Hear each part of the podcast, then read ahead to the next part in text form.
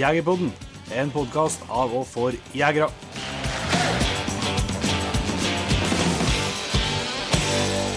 Hjertelig velkommen til en helt ny episode av Jegerpodden. I, akkurat nå sitter vi i Lier. er Ja. Det ligger litt oppi åsen og om Lier, ja. Ja. Ja. Så vi er Jegerpodden er på veien igjen, med andre ord. ja. Vi har vært på en bra runde i vekka her. Yes, rundt på Østlandet og alle har hatt møter og spilt inn podkast. Det har vært fint å få lufta seg litt igjen. Og øh, dagens øh, episode øh, har vi lenge gleda oss vil jeg si, til å, til å få spilt inn, og endelig har vi fått gjort det, og det sto til forventningene. Absolutt. Um, jeg skal ikke bestemme hva folk liker å høre på på Jegerpodden, det må jo hver enkelt få bestemme. Men uh, hvis jeg hadde hørt på Jegerpodden, så uh, ser jeg ikke helt hvordan det her ikke kan være noe av det beste som er laga. Nei, det um, Vi har også prata med, med Rolf og Erna Frostad, mm. som er Ja, vi kan si at de er pensjonister. Godt voksen. Ja. Og uh, jeg har en unik uh, fortelleregenskap. Det kommer masse gode historier fra langt tilbake i tid og helt fram til per dags dato. Så det kan dere rett og slett bare se fram til et par timer med, med kunst. Podkastkunst, vil jeg kalle det. Ja. Og det er ikke vi som, som uh, har æren for det. Det skal vi komme tilbake til. Men uh, før vi uh, slipper til Rolf og Erna her, så skal vi uh, si og tusen takk til alle tilbakemeldinger som har kommet. ja. Fra um, Patriens, som har fått sett første episode av Jegertoner. Stemmer. Den kom jo på sist søndag, eh, episode 1 i Bukkejakt på Vega. Um, det har vært rett og slett overveldende. Det har vært mye bra respons. Ja, helt uh, Det er i, i godlaget mye respons nesten for eh, to, eh, to sånne som oss, men det, vært- det er jo selvsagt helt fantastisk artig å få lese det, og at dere som har sett det, liker det, like det vi har lagd. Det setter vi enormt stor pris på. Det er utrolig artig at det snart har hele Patrion-laget sett serien nå, tror jeg. Eh, Ser tallene våre ut som, så det, det er helt rått, rett og slett. Så tusen takk for eh, alle tilbakemeldinger, og for dere som har satt av tid til å se det. Og så kommer jo episode to på søndagen. Yes, det gjør det. Da skal det Du kan jo tease litt at det blir noe reinsjakt eh, på gang. Ja. At det er veldig varmt og mye sol. Ja, det, det kan bli vel mye hud kanskje til enkelte, men eh, det får dere nå komme tilbake til. Det er ikke min feil. men eh, vi har jo faktisk eh, fått vært ute og lufta oss litt på jaktfronten nå. Ja. Det ble, du røkka kjapt ut etter sist podkast vi spilte inn. Ja, det var jo for dere som hørte episoden, men eh, Jonas sist, så tror jeg han avslutta med at eh, en av hans jaktdrømmer var å få jakte jerv med, med egen hund. Ja. Og jeg tror nesten i det øyeblikket han sa det, så tikka det første bildet fra mitt nye åte inn på, på telefonen. Der var han jerv, gitt. ja, se der. Skulle vært litt nærmere Jonas, så kunne han fått, fått prøvd. Men jeg, jeg får nå dit uh, for å prøve dime. Han er jo så vidt meg bekjent jeg ikke har brukt på jerv før. Um, fikk med en jaktkompis som heter Morten oppover, og så skulle vi vei og prøve. da. Det er jo longshot, selvsagt, men eh, det går jo ikke lettere å prøve. Så jeg kjørte dit, eh, tok maskin og rente opp til, til Åte. Og så på tur opp til Åte så kommer vi jo i jervsporet. Ja. Han eh, markerer og tar sporet og blir ivrig, og jeg får skrytt litt tonn og sånn, og så uh, slipper jeg han. Um, og så Da begynner det å gå for meg at den jerven har ikke bare Han har vært på åte bare én runde og tort å ta bilde av, Ja. men han har vært i området rundt mye. Ja. Så det var jo spår eh, kryss og tvers og rundt og rundt. Så um, Dime tok noe først ett spor, og så kom han tilbake og prøvde et nytt et. Og kom tilbake og prøvde et nytt igjen. Og sånn gikk det. Og så ringer han Morten, for han eh, og vi, vi har snakka i lag før vi for ut der, at han skulle kjøre bort til, til svenskegrensa og se om eh, vi hadde noe innspår på jerven. For Det kunne være en, en grei post å starte med. ja. Um, men uh, det um, han ikke. Men derimot, så når han har snudd og kjørt tilbake, så hadde jerven gått over veien i mellomtida. Ja. Altså, det er jo en del kilometer fra der vi var. da. Så hvis ikke vi som hadde rukket å støkke ut, hadde antagelig bare vært på den, på den turen da, Ja. selv. Men uh, da hadde jeg akkurat sluppet time og prøvde liksom å smatte litt på han og høre om han ville komme til meg, men han var veldig opptatt av spor, så jeg hadde liksom ikke lyst til å begynne å kjefte og kauke på han heller. Og det hadde jo vært mulig at det hadde vært en annen jerv som hadde gått bortpå der òg. Ja. Så jeg tørsa liksom ikke å Så jeg måtte bare få holde på, da. Og så gjorde han til slutt en ganske stor runde, og da fant han vel eh, den plassen, den plass som jerven hadde ligget, og surra der en stund. Men klarer liksom ikke å finne utgangen, da. Og det er jeg usikker på etter å operert hva som var rett utspor, egentlig. Så til slutt så kom han til meg, så jeg kobla den, og så kjørte vi, kjørte jeg rundt da, og prøvde den på, på neste spor. Uh, eller på det nye sporet da, som vi hadde over veien der. Og der uh, spora han noe litt uklart for meg hvor langt han spora. Tok igjen markert sporet tydelig og, og for etter. Og noen kilometer ble det nå, men etter hvert så kom han ned, og når han da til slutt hørte bilen, så la han rett ned på veien. Ja.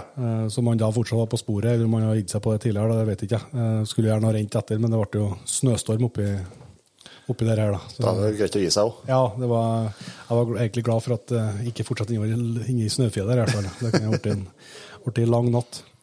Men eh, du derimot har jo fått noe fall, faktisk. Ja, jeg har hatt, Tror det eller ei. eh, Tror det er ei. Nei, helga var eh, artig, altså. Eh, Vi jakta rev på, på fredag nå. Og igjen så viser jo den ungstøvelen at hun, at hun virkelig har blitt så kalt jeg erfaren. da. Hadde en kjempelos. Sånn, han den reven fant jo faktisk ut han skulle svinge litt og ta sånn og, Vil ikke si at han tura, men eh, Grensa mot turing. ja, det på grensa mot turing, så det var faktisk det var spennende til, til flere av oss som sto på post. Eh, Men den krøp nå til slutt inn etter ja, kanskje en eh, liten times los. da. Så krøp en ned i stor steinhul og, og ble borte, og vi, ga oss der. Men Mens lørdagen ble det, det var en skikkelig artig dag. Da, da kom, fikk jeg besøk av en kompis som er fra Velfjorden som er vel etablert i podkasten, Alvar. Eh, Så vi leta spor lenge om morgenen. Uh, fant, uh, det, var- det var snødd så langt utom morgenen at det var vanskelig å finne spor. Og så, um, og så kom, var det en, eh, en annen kompis som er fra Bindalen, som var oppe i Rørvik. Jens Fuglestad. Så han uh, ville også jakte rev, så han eh, leta spor på en litt annen kant og, og fant spor da, som var forholdsvis ferske. Og slapp uh, støvelen sin eh, på sporet, og uttak og, og reven på fotene, og losen gikk. Ja, og Alvar eh, kjørte jo dit, og Uh, vil si vi traff ganske bra med posteringa. Eh, du si.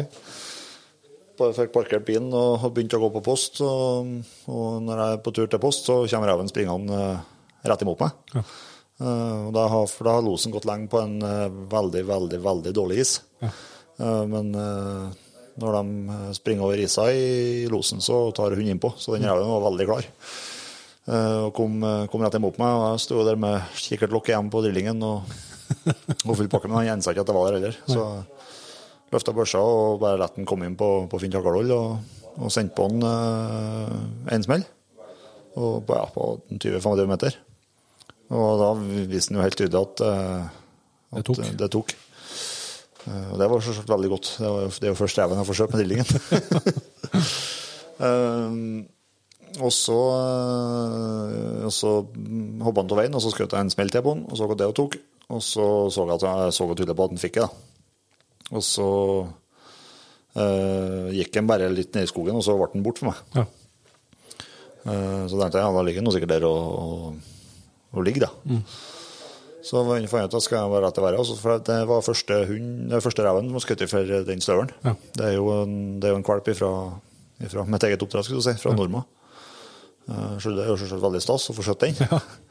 Men så, så kommer hun på sporet og er superhappy, og jeg får henne inn på sporet som går til veien. Og, og, og det var jo masse blod i sporet etter reven. Og så stoppa jo hun opp der rett bortom der jeg så reven sist. da. Der stoppa hun opp, og så tror jeg at jeg, nå ligger han der, da. Ja. Men det gjorde han ikke. Eller han gjør jo det, da. Men uh, han hadde akkurat der han var, der var det et lite hull i, inni veifyllinga som han har smått inn til. Ja. Uh, så vi drev og grov litt og forskjellig, men, uh, men vi torde ikke å putte noe terror inni her, da, for det, det steinfyllingene er, de er ikke noe trivelige, i hvert fall ikke hvis det er en, en, en dør her inni for da kan jo re- Kan jo bli ter- terrieren bare vil ligge og være der. Ja. Eh, Men det med alt, alt de treffet og blodsporene og alt som er, så, så var jo den reven død. Så det, det var ikke den minste tvil om. Eh, Så det var, det var artig, det. Eh, Men ikke tok med det, og så får vi jo hjem og var egentlig litt oppgitt over at det ikke var noe mer restspor. Og så fant vi ut at vi skulle sjekke en tur hjem òg, rundt gården, og der fant vi jo et helt ikke nytt målspor, men ganske nytt, som var litt snøtt i. Og så øh, jeg har et ganske stort felt rett over gården som er, det er bare gammel granskog. Så ringa vi rundt det, det holtet, og der eh, var ikke noe målspor ut. Så han var jo oppe her. Og så fant vi fort plassen der han hadde gått inn. Han hadde gått inn bundet i et, eh, eh, vindfall som var snødd ned. Så det var jo, det var jo Han lå bare liksom i, i snøen under, under vindfallet. Og henta terrier og henta spader og begynte å mukke av til morgen. Og terrieren markerte godt hvor den, eh, hvor den lå hen. Og, og som eh, han Alvar, som har en del erfaring med mår før, han sa at morgen han kan komme når som helst, og han kan komme veldig fort. Og det stemte. så, så mens jeg sto og grov, da, så, så kom han og, og, i lag med terrieren, og så kom morgenen ut. og og uh, i veldig høy fart, så det ble noe bomskjøting der, da. Og da sto vi der med terrier, hvor og jeg morgenen for. Så da måtte vi ned igjen og hente en eh, hund. Så da ble det jo eh, ei anna, en ei tispe som er fra heter Nordmann. da. Ble satt på sporet, og hun peisa til morgen, hun. Og, og eh, ja, for en fem-seks kilometer Så markerte jeg på nytt da, eh, eh, at, han hadde gått, at det var stopp. Dere krøp inn igjen? Ja. Ja. Så får vi dit, eh, og da eh, da vi var på tur dit, så, for, så fant hun sporet, eh, innsporet til moren igjen. Så for hun tilbake til dit der vi har grøvet fra morgenen. Eh, Så ringa vi, ja, og styra litt, og så fant vi, fant vi ut at moren har vært oppe i gran. Der hun snudde. Og så for hun ned igjen og for, for videre. Så fikk vi på sporet der igjen, og da grødde han glødd inn i et nytt vindfall. Ja. Så sto jeg der og venta på at andre skulle komme. Eh, og så når Jens kom, da, så slo jeg bare skua til å slå en ring rundt det innfallet, bare for å være sikker på at den lå der. Ja. Og idet jeg tar to skritt og skal begynne på å slå ringen, så spretter målen ut igjen. Og Jens serverer et nytt bomskudd. Men da var jo hun hakket hakk i hæl Ja. etter morgen, så da, da, tre, da trer han jo bare 30 meter ned ned igjen. Ja. Om det var, om det var for, en, for hund, eller om det var for at en Jens eh, sprang etter i morgen like fort som hund, det, det, det vet ikke jeg. Det ble i hvert fall det ble nå borte oppi, oppi grana her. Det fascinerte meg. Da visste vi akkurat hvilket tre han klatra opp i. Ja. Men vi klarte ikke å se den. Nei. Klarte det var en veldig stor gran oppi Ja, det er brutale forhold, sjølsagt. Men Jens han slo med spadden litt ned, i- ned på trestammen, og da fikk vi se den oppi her og, og skjøt den. Så det var Lykkete. Lykkat dag med rev og mår, og begge, begge fallene for uh, unge, lovende støvere. Så det, det var artig, altså. Ja, du var forholdsvis blidspent. eh, Ja, det. det var skikkelig artig. Ja, det skjønner jeg. Og vel fortjent, så det var Nei, det er bra at det er litt uh, Når vi spiller inn dette, så er det jo bare nesten bare timer igjen til gaupejakta, så nå er vi nå er vi på hugget. Ja, litt mer revjakt i helgene, og så bærer seg til med å lete gauspor. Yes. Det vil vi komme tilbake til, men eh, så vi har en, eh, som lova, en lang og god prat med Rolf Erna, så vi tror vi bare setter over til dem. Det gjør vi. Da har vi gleden av å ønske Rolf og Erna Frostad hjertelig velkommen til Jegerpodden. Hvordan eh, føles det å ha besøk av to trøndere en torsdagskveld? Ja, det er bare hyggelig, det. det er bra. Ja. Vi skal snakke om eh, eh, to veldig rike jaktliv, men eh, først så må vi jo kanskje stifte litt nærmere bekjentskap. Eh, hvordan eh, Kan ikke du starte, Rolf, med å fortelle litt, litt om deg sjøl? ja, det kan jeg vel. Jeg er faktisk født oppe i Romsdalen. Men uh, foreldra mine de flyttet hitover når jeg var tre år. Ja. Og da har liksom romsdalsdialekta blitt borte, da. Så Og da bodde vi uh, her eh, nære Drammen på et sted som heter Åsia. Det ligger litt uh, vest for Drammen. Og vi vokste jo opp der, da. Og Men så grodde man jo til, da. Og etter hvert så måtte man jo begynne kanskje å titte litt på jenter og litt sånn. og da Der Erna kommer inn. da kommer Erna inn. Men det var lang friervei. Ja, ja. Det var tre år. ja. Oi! Ja, jeg var tre, og han var fem. Da var vi kjærester. Såpass. Ja, faktisk. Ja. Så var det det. Men eh, For da bodde vi eh, litt vest for Drammen her. Og, og når jeg skulle på frieri, da, så måtte jeg gå skoga over her og inn i Finnemarka. Og til den plassen da inne i Finnemarka der, eh, et bruk der Ja. som heter Hestemyr. Og der, der bodde hun da. Ja. Det, og så utvikla jo det der seg, da. Så det Det blei sånn eh, etter hvert, da. Så fant vi vel ut det at vi, vi skulle slå våre pjalter sammen, da. ja. Men eh, det var tøffe tider den gangen, da. Og jeg husker jeg, jeg dreiv i bygning og jobba som murer til å begynne med. ja. Og den gangen, da når det ble riktig kaldt på vinteren, så stoppa jo sånne store byggeprosjekter. Ja. Det var for kaldt. Jeg veit de fyra til og med med kokksommer nede som gikk opp. Ja. Og vi spytta jo svart hele dagen av de der kokksomma. Men eh, eh, Og da Jeg husker det at da jeg gikk faktisk Måtte gå ledig, da ja. Eh, på vinteren noen ganger der. Og jeg husker vi hadde, jeg hadde 50 kroner uka ja. for å gå ledig. Ja. Og da Det var ikke så veldig mye å skryte av. Og da kom jo det her inn med at kanskje litt elgkjøtt på si hadde støa litt på, på finansen. Ja. Og det og jeg hadde gode læremestere akkurat på det området der. Ja. Disse gamle i Finnemarka, de eh, kunne alt det der fra A til Å. Så det, og med en eh, lettlært elev da, i den bransjen der, så, så var det sånn det blei. Starta elgjaktkarrieren. Da starta elgjaktkarrieren, ja. Ja, du kan kalle det det. Jeg husker jo Jeg kunne jo kanskje ta med litt der, fordi at eh, jeg, husker Du vet eh, liksom når du får det her inn med teskjeer Jeg husker jeg og, og, og gamle Anders vi skulle innover, og det var på våren. Og vi kom nå inn der, og jeg husker gubben han hadde bestandig god tid. Og vi lå på en plass som heter nede ved Trekjenna. Ja. Og der var en, en fjellvegg som det var fyra mot i mange, mange år. Og gubben han hogg veldig fine eh, grankvister, eller små, og lagde seg fin seng. Det var lenge før det var liggeunderlag. ja.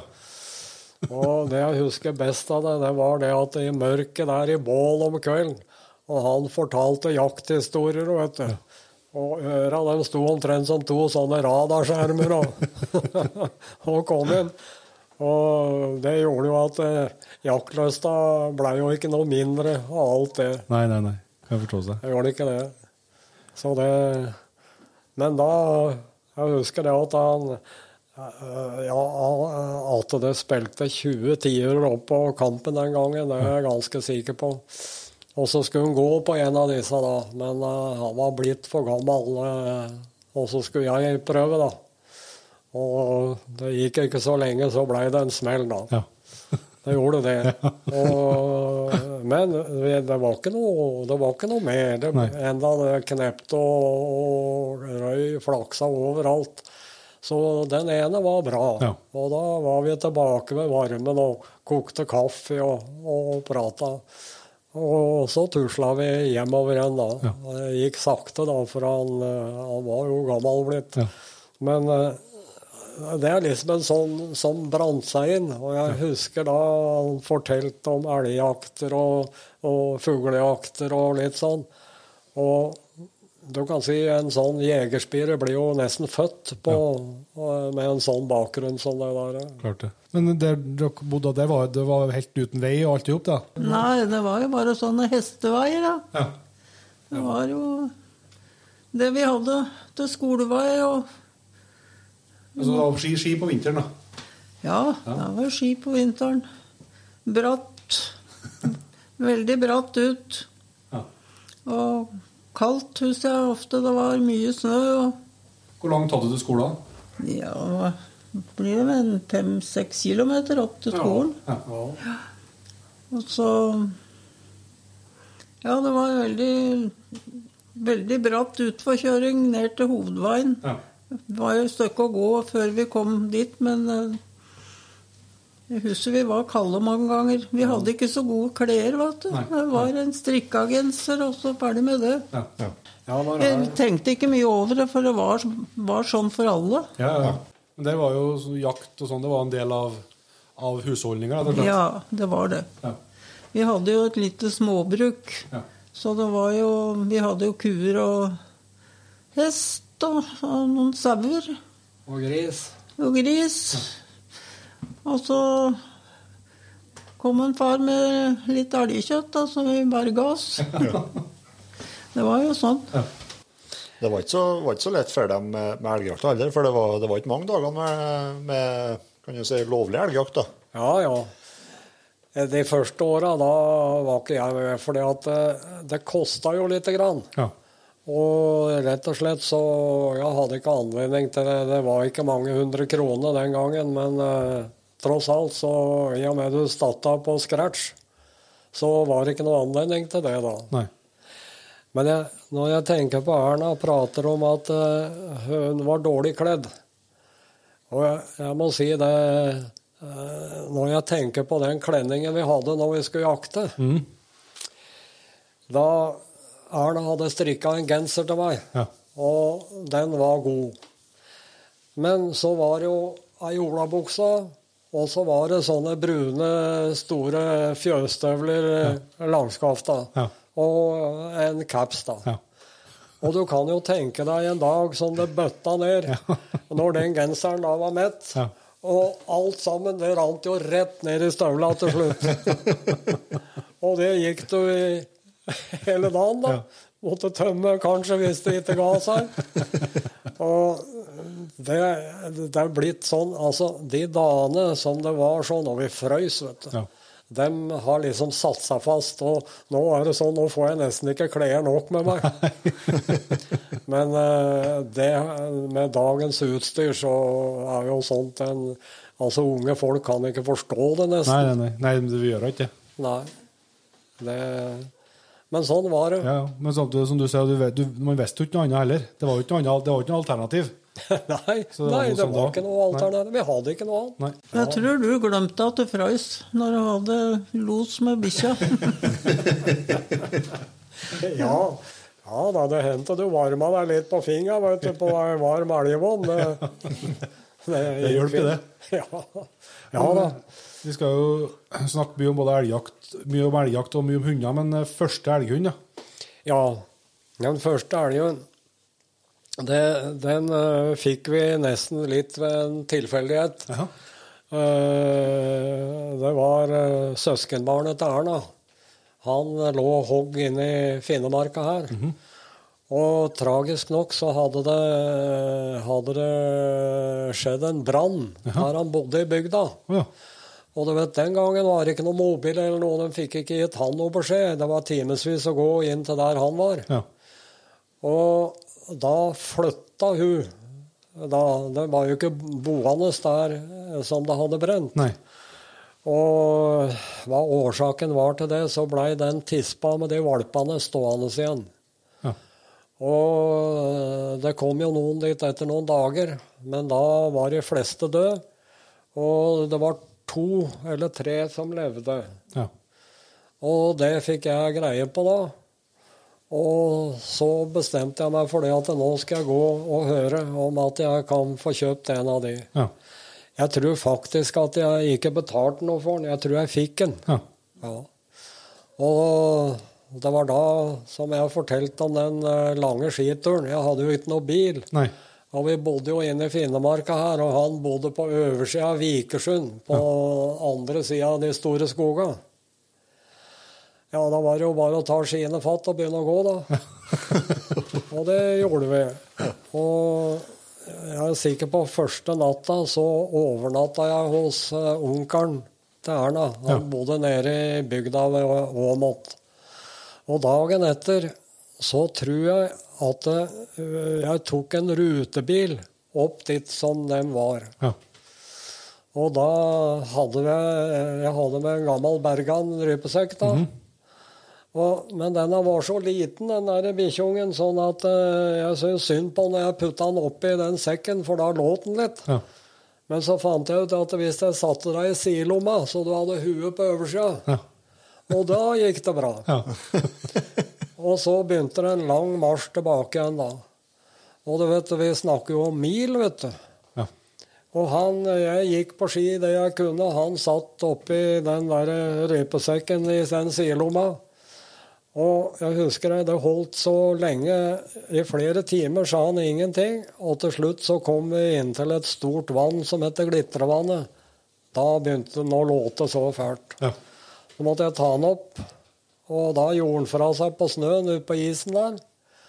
Og så putta han opp i sidelomma igjen, da, og begynte å gå. Og kom tilbake til det der lille stedet som heter Lamyr, som vi bodde da. Og der vokste den opp. ja. Så det Ja da. Hvilket årstall er det? Vet du, Husker du det? Det var i 59. 59. ja. Ja. 59. Ja, for å ta kanskje litt videre på den. Han utvikla seg til å, å bli en veldig bra elghund. Ja. Med litt hjelp. og, men så var han eh, Vi hadde en runde inne i Finnmarka som han var veldig uheldig, for da det var en elg som sparka han. Så ene øyet det blei sånn stort og hang nesten på utersida. Ja. Og da Jeg husker jeg spurte en, eh, en dyrlege om det, og han sa at du må ta bort det der, han, for at eh, når det blir kaldt nå på vinteren, så kan det fryse. Ja. For at det var på utsida? Ja. ja. Og du vet bare når du tenker på det i dag Da måtte jeg gå på ski ned til bussen. Så var det bussen til Drammen. Og så var det tog til Oslo, til Vestbanen. Og så måtte vi gå opp til Veterinærinstituttet. Og da fikk jeg den jo ikke med meg igjen, da. Nei. Jeg måtte ha den ei uh, ukes tid. Ja. Og så var det samme veien tilbake igjen, da. Jeg husker jeg fikk en da de sydde igjen det der ene øyet, da. Ja. Og jeg var så spent på om at han uh, ville jage. Og det var ikke så lenge da. da det var nå på vinteren nå, da. Men da måtte jeg jo ut og prøve den. Og det låt. Ja. Ja. Jeg veit ikke om jeg skal ta med resten. Jo, jo, men det bare vi eh, Du må bare fortelle det du husker Ja da. I alle fall ikke så veldig langt ifra der vi bodde. Fikk vi los da på en ku og en kalv. Ja. Og den uh, kalven måtte bøte med livet, da. og det, det var jo sånn. Ja. Ja da.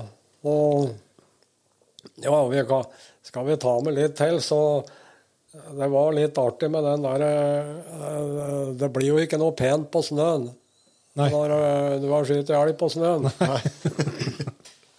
og ja, svigerfar min var inne og, og slakta den der og skulle bære den fram. Og han hadde med For vi ville ta med alt. Skinn og vom og så at det ikke skulle synes noe. Og da hadde han en svær strisekk.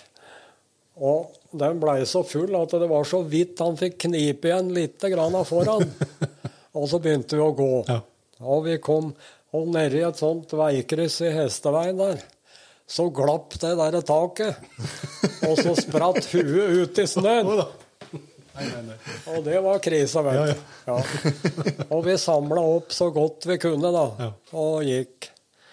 Men så var vi heldige, for, for mannen til søskenbarn til Erna, han var den første som kom om morgenen. Ja. Og så fikk en se de spora, og så fikk en se de der blodflekkene. Og han dreiv og lagde snøballer og fikk kasta vekk, for han ante, ante nok hva det var. Og Ja da, og da Jo da. Det, den gangen så Det var ikke den trafikken vet du, som var. Det var jo bare hesteveier og litt sånn forskjellig. Ja. Så det gikk veldig bra. Ja. Men eh, begynte du var den, Begynte du liksom å Jeg vet vi skal over på etter hvert og noe guiding og sånt. At det, Du begynte å gå, som guide og los. ja. Ja, ja. Det, det var jo mange år Det er etter mange, dette. altså, du begynte først, først med den hunden, det Ja. så da ble det med både ordinær og Det var nok eh, Det var jo flere hunder etter det, da. Ja. da den neste vi hadde, det var en som het Grand Tanno. Jaha. Og det, han var litt tispeprega. Ja. Så han fikk ikke noe stor, fikk ikke med en annen premie på utstilling den Nei. gangen. Men det var en veldig god elghund. Ja. Og det var han jeg var i Nordmarka med på jaktprøve. Ja. Og det er utrolig å tenke på da, da det var masse dårlige hunder på den tida. Jeg har sånne notisbøker inne som eh, Når jeg dømte de hundene der inne Det var null og null og null, og kanskje en trea, Ja. og en sjelden gang kanskje en første. Ja. Og da husker jeg det at eh, gamle Harald Sommerstad dømte den første gangen. Og han hoppa i været når vi fikk los. Ja. og og jeg husker så godt han sa og nå passerte han annenpremien da han holdt på en time. og det blei nå første premie, da. Og, det, og dagen etter, så det var da vi hadde eh, skausjefen til, eh, til eh, Det får nå være. Eh, det kan dere lett finne ut hvis dere kikker nå på Hurdalen. Ja.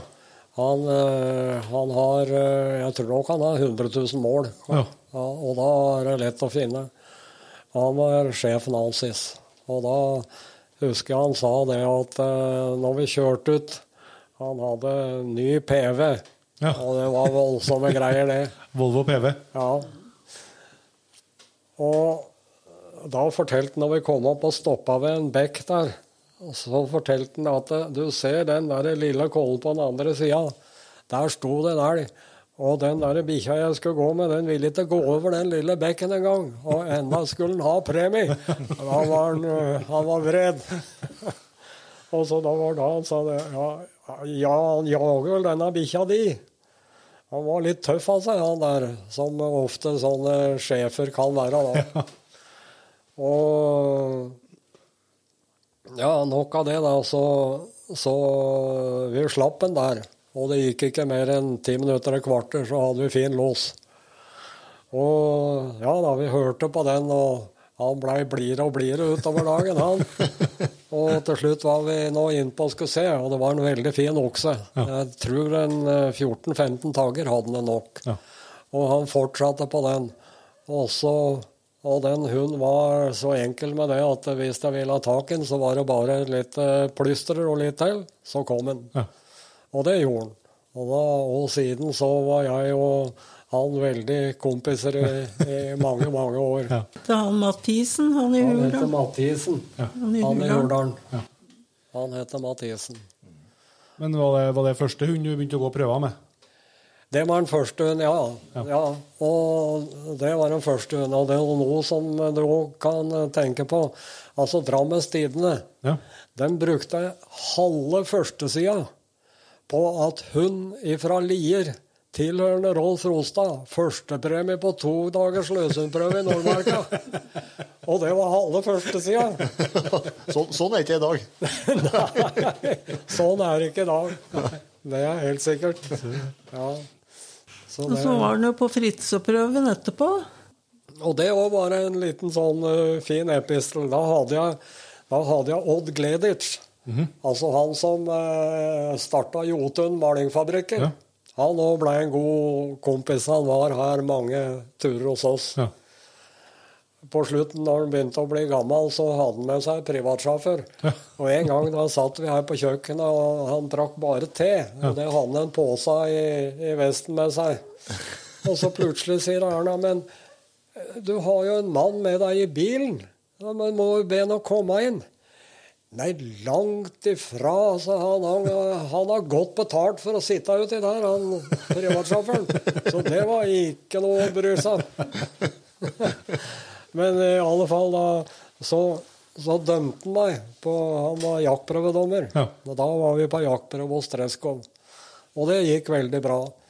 Men så flytta den der losen, og så gikk det over en dal og opp på den andre sida. Og der sto det og så da var tida ute. Ja. Og så sier han, men i all verden, Rolf, hvordan får du tak i denne bikkja nå? Det er langt å gå, dette her. Ja, nei, men jeg tror vi skal få tak i den ganske enkelt. Og jeg plystra det jeg kunne. Fem minutter etter så sto han ved siden av oss. Og da husker jeg Odd Gleditsch sa det at Og mange har å skyte ulovlig for å få til dette. Han lukta lusa på gangen. Ja, han, han trodde at det der var ikke lært over natta. Nei. Men eh, når du, når du begynte å bli med på den ordinære elgjakta, når du starta, hvor mange dager jakta dere da på høsten? Ja, altså den eh, første ordinære elgjakta, det var jo når vi eh, det, det er noen som bodde inne i Finnmarka her, som heter Tveten. Jaha. Og dem, dem hadde holdt på lenge. Ja. Og, og det var en som heter Oskar der, som hadde jakta mye. Det var mye Vi så akkurat Vi har ei bok nå som det skrives. Han, eh, han eh, var veldig utsatt under krigen. Ja. Ja. Og når tyskerne kom og tok dem og kjørte dem på Grini, så skjøt de den fine elgen hans på gårdsplassen. Oh. Ja. Så det, men det, det var ikke noe å gjøre med det, da. nei. Nei. Men eh, de var heldige, for det at de, eh, de hjalp jo sånne som var på flukt. Så ute i det, det ligger et vann på nedsida der de bor, som heter Garsjø. Og uti der er ei øy. Og der hadde de en som lå i dekning. Ja. Og så kom det ei dame som var angiver. Og hun var så smart at hun klarte å fortelle og skrøne så mye at de trodde på henne. Ja. Og så kom han opp dit, og plutselig så var hun borte. Ja. Og de skjønte da at det var noe som var gærent der. Det er nok litt mer eh, i detalj bak det der, men i korte trekk, da, så, så han Oskar han skjønte at det her var det noe gærent, så han kasta seg på en sykkel og kjørte utover for å, å ta igjen, for hun hadde spurt om veien ned til bygda. Og kjørte rett i en tyskerflokk. Ja. Og så hadde han en revolver i baklomma.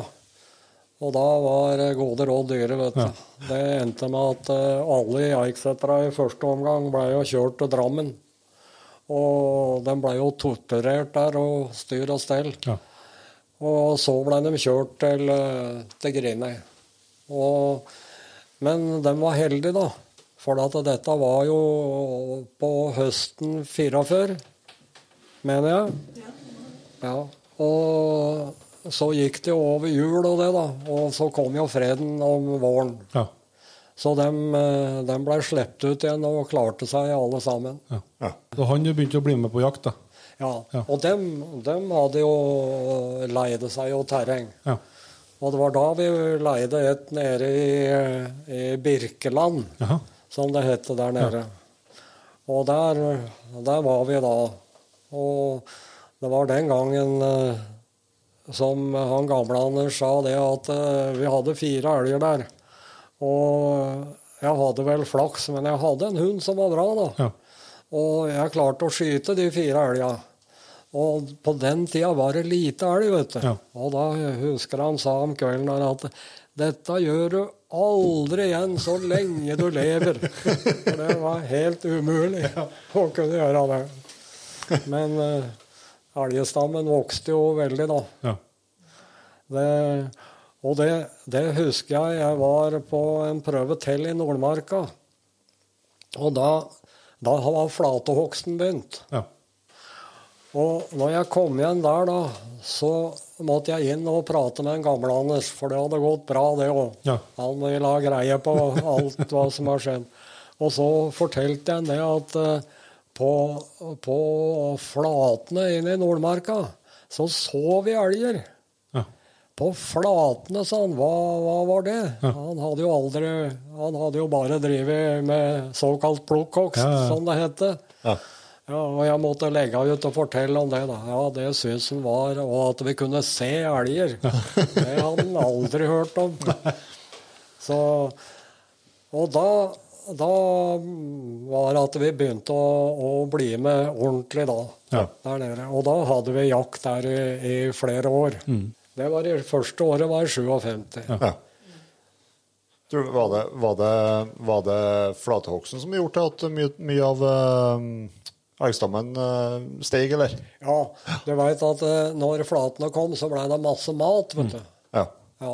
Jeg tenkte på én ting som jeg kanskje kunne ta med. Du vet, eh, For å komme den gangen ned til f.eks. Birkeland, ja. det var ikke noe bare-bare. Nei, det tror jeg på.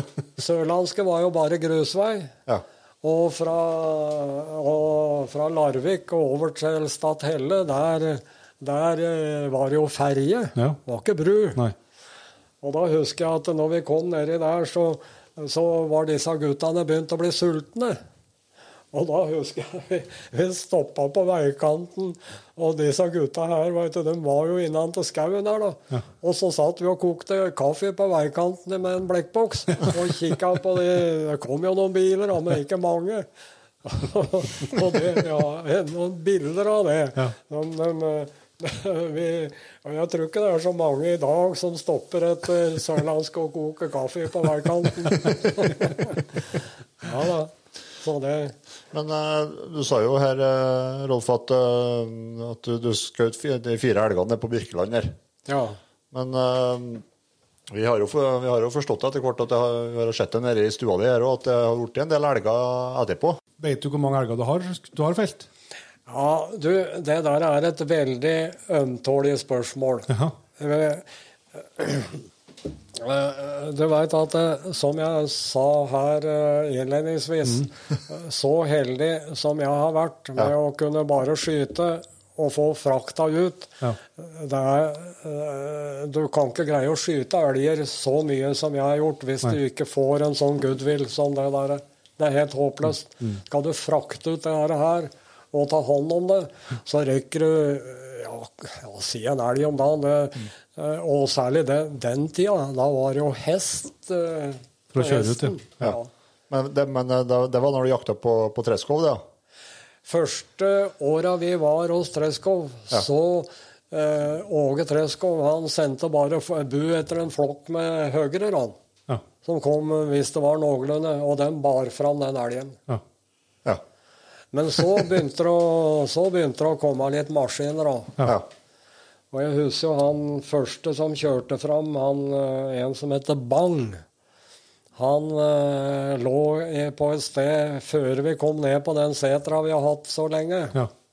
Og han hadde en eh, maskin som jeg tror den ble kalt Skogbjørn. Jaha. Gikk på belter.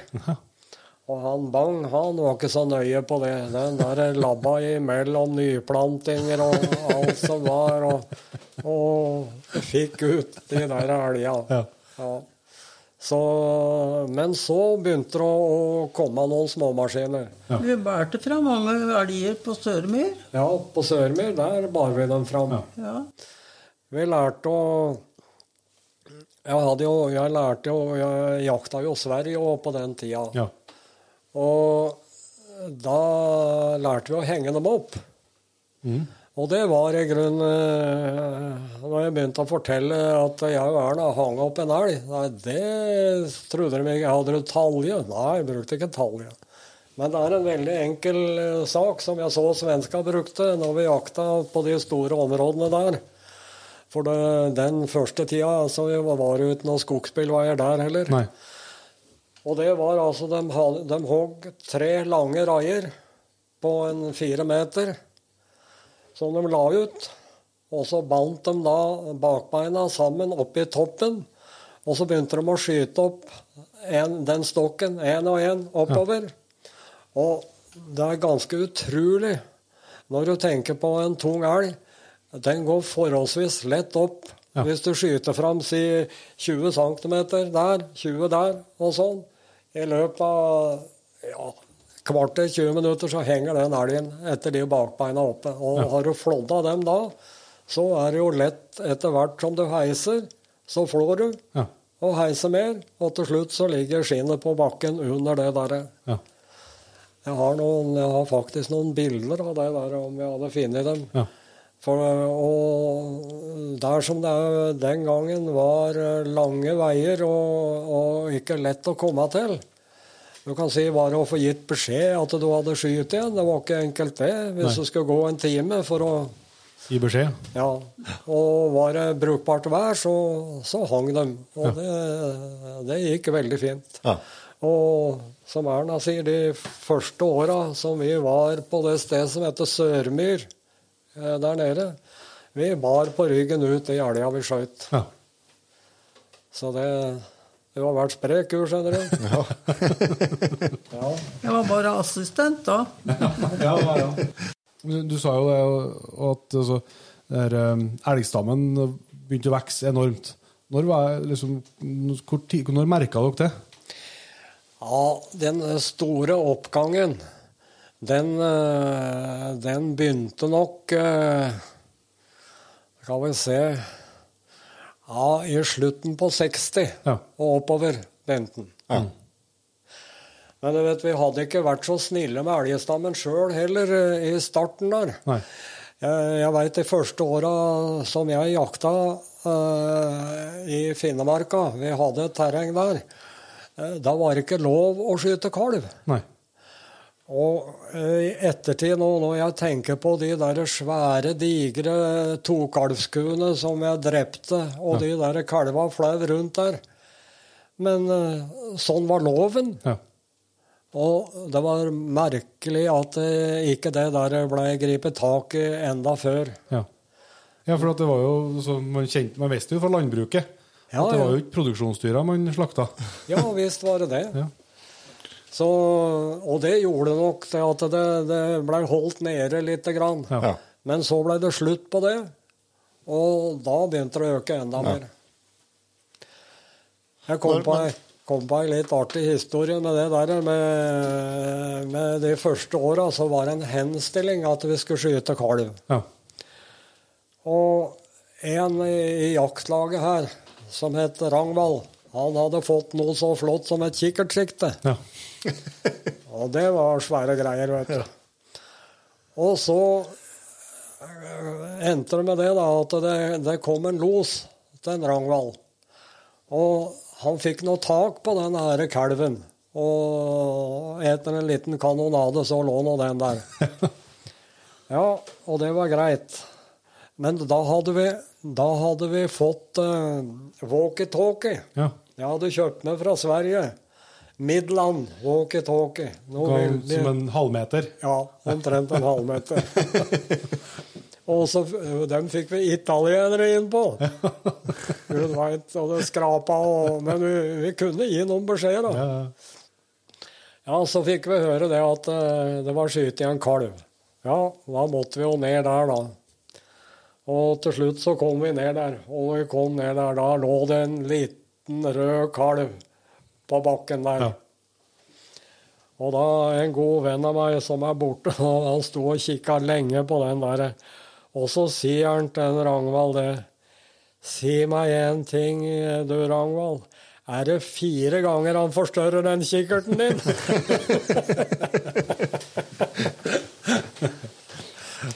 Men eh, altså, el- elgstammen steg jo, sånn, og du har jo du har jo jakta elg i, i, i over 60 år, da, og opplevd fra det begynte å stige til at nå er, nå er på turné igjen. Når, når vil du se liksom toppen, eh, toppen på var i, i områdene du jakter? Altså, toppen hos eh, Treskov, den var eh, Ja, du kan si i, faktisk fra 80 og opp til eh, 95 Ja. var den helt enorm. Ja. Ja, det var den.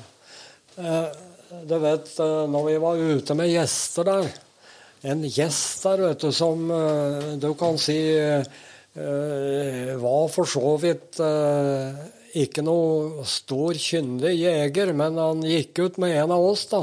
ja. Og du vet at det hendte han skjøt tre-fire elger om dagen. Ja. For ja. du vet, det var sånn at hadde vi skutt den da, og gjorde opp den, så kom det jo noen og henta den, og vi kunne gå videre. Og det gikk ikke. Hadde du sluppet hund, så en kvarter, halvtime etterpå, så var det ny los, vet du. ja. Så, så de åra, og jeg tror ikke de åra kommer igjen. Nei. Det var helt, helt enormt. Men det skal sies at så mye elger kunne det ikke være. Nei. nei. For vi så jo det på vinteren, så begynte de å gå på grana, vet Ja. du. Men eh, nå har de nok skutt litt for mye, for nå, nå er det drastisk nedgang. Mm. Og håper at det er på vei opp igjen litt. Ja, vi får til det. Men eh, du snakka om eh, våpen. Hva var første elgbørsa di? da? Første elgbørsa, den eh, Det var en, en Remington. Jaha. Halvautomat. Og du? Kaliber 35, som er nesten 9 millimeter. Ja. Og den, det er ikke noe langholdbørse, men som løshundbørse. Den drepte veldig godt, Ja. den derre den der, der. Så kunne du skru den fra hverandre. Ja. Og så Akkurat. ja. Jeg kan, jeg kan jo fortelle en, en liten historie om den, da. For det, da hadde jeg akkurat fått da, Ja. den der børsa. Og det, det var litt bak den òg, for jeg hadde en onkel oppe i Romsdalen som eh, hadde levert inn ei bra hagle til tyskerne. Og den hagla fant de aldri igjen. Nei. Men så sto det igjen, den der eh, halvautomaten. Ja. Og så sa de det at eh, denne her er det ingen som har spurt etter, du kan ta den istedenfor hagla. Og det endte med det at, eh, at han visste jo jeg jakta, da. Og så sa han det at hvis du vil kjøpe den, så kan du få. Jeg betalte vel ikke mange hundre kronene for den. Og da så måtte vi jo ut og prøve denne, da. Og da Jeg hadde ikke skutt i øh, Nå hopper vi litt i tid. Ja, ja, ja. Eh, så mange elger. Og så Da var jeg en svigerfar ute. Han hadde ei bikkje som het Trollhuset, som var av det gamle slaget. Hvis du så litt på den, så kunne det hende du fikk noen tenner på deg. Men nok av det, også jaga han etter, omtrent som ei harabikkje. Og jeg husker jeg sto på en liten kolle der, og da blei det los, da. Og dette her er peip og jaga bortimellom. Og så kom det ei ku i 100 km og over den kuren, og jeg var for sein. Men så kom den derre kalven etter, og jeg hevde opp, og pang, sa det. Og den gjorde kråkestup og lå rett ut. Ja. Jaha, det var bra. Og så kom, kom gubben sjøl, da. Og så begynte vi å skulle flå, da. Ja. Og så sier han når vi kom eh, forbi bogen og nedover, så, eh, og så sier han det at eh, Jeg ser ikke noe kulehull. Er det du sikta hen? Altså, han. Sikta på bogen, jeg, sa jeg. Og når vi skulle se etter, så hadde han et rundt hull akkurat bak øret. så, så det Det var jo en eh, mer eh, flaks enn som så, da. Ja. Men eh, hvordan Du bare jo litt innom det flere runder, at du begynte å, å gå som guide. Hvordan kom det i gang? Ja, det kom i gang eh, eh, Treskov hadde en, eh, en uh, skausjef som heter Jon Aas. Ja. Og vi var veldig kompiser inne i Elgjønklubben. Og så spør jeg Aas om, eh, om eh, Du har ikke et ledig terreng nede hos dere? Nei, det var vanskelig.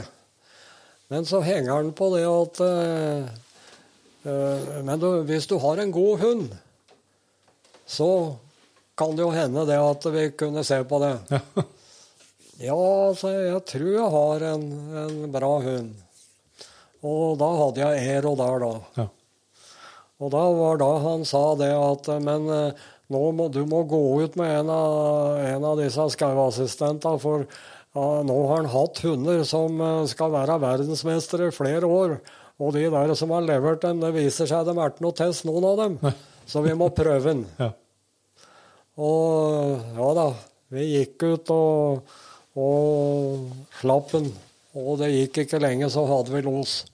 Og da holdt den på mesteparten av dagen med den der elgen. Og Jeg husker i skrumlinga mot kvelden, der da sto det fortsatt og Vi fikk se den der stuten. eh, Den var ikke så veldig svær, en fire-femtager, tenker jeg. Ut med bakgrunn i et vann som heter Mykle. Ja. Og det var en veldig fin seanse. Og når vi kom ned da, så, så tok han opp en trekopp og sa det at dette er den fineste dagen jeg har hatt på lenge. Vil du ha denne, skal du få den. Ja.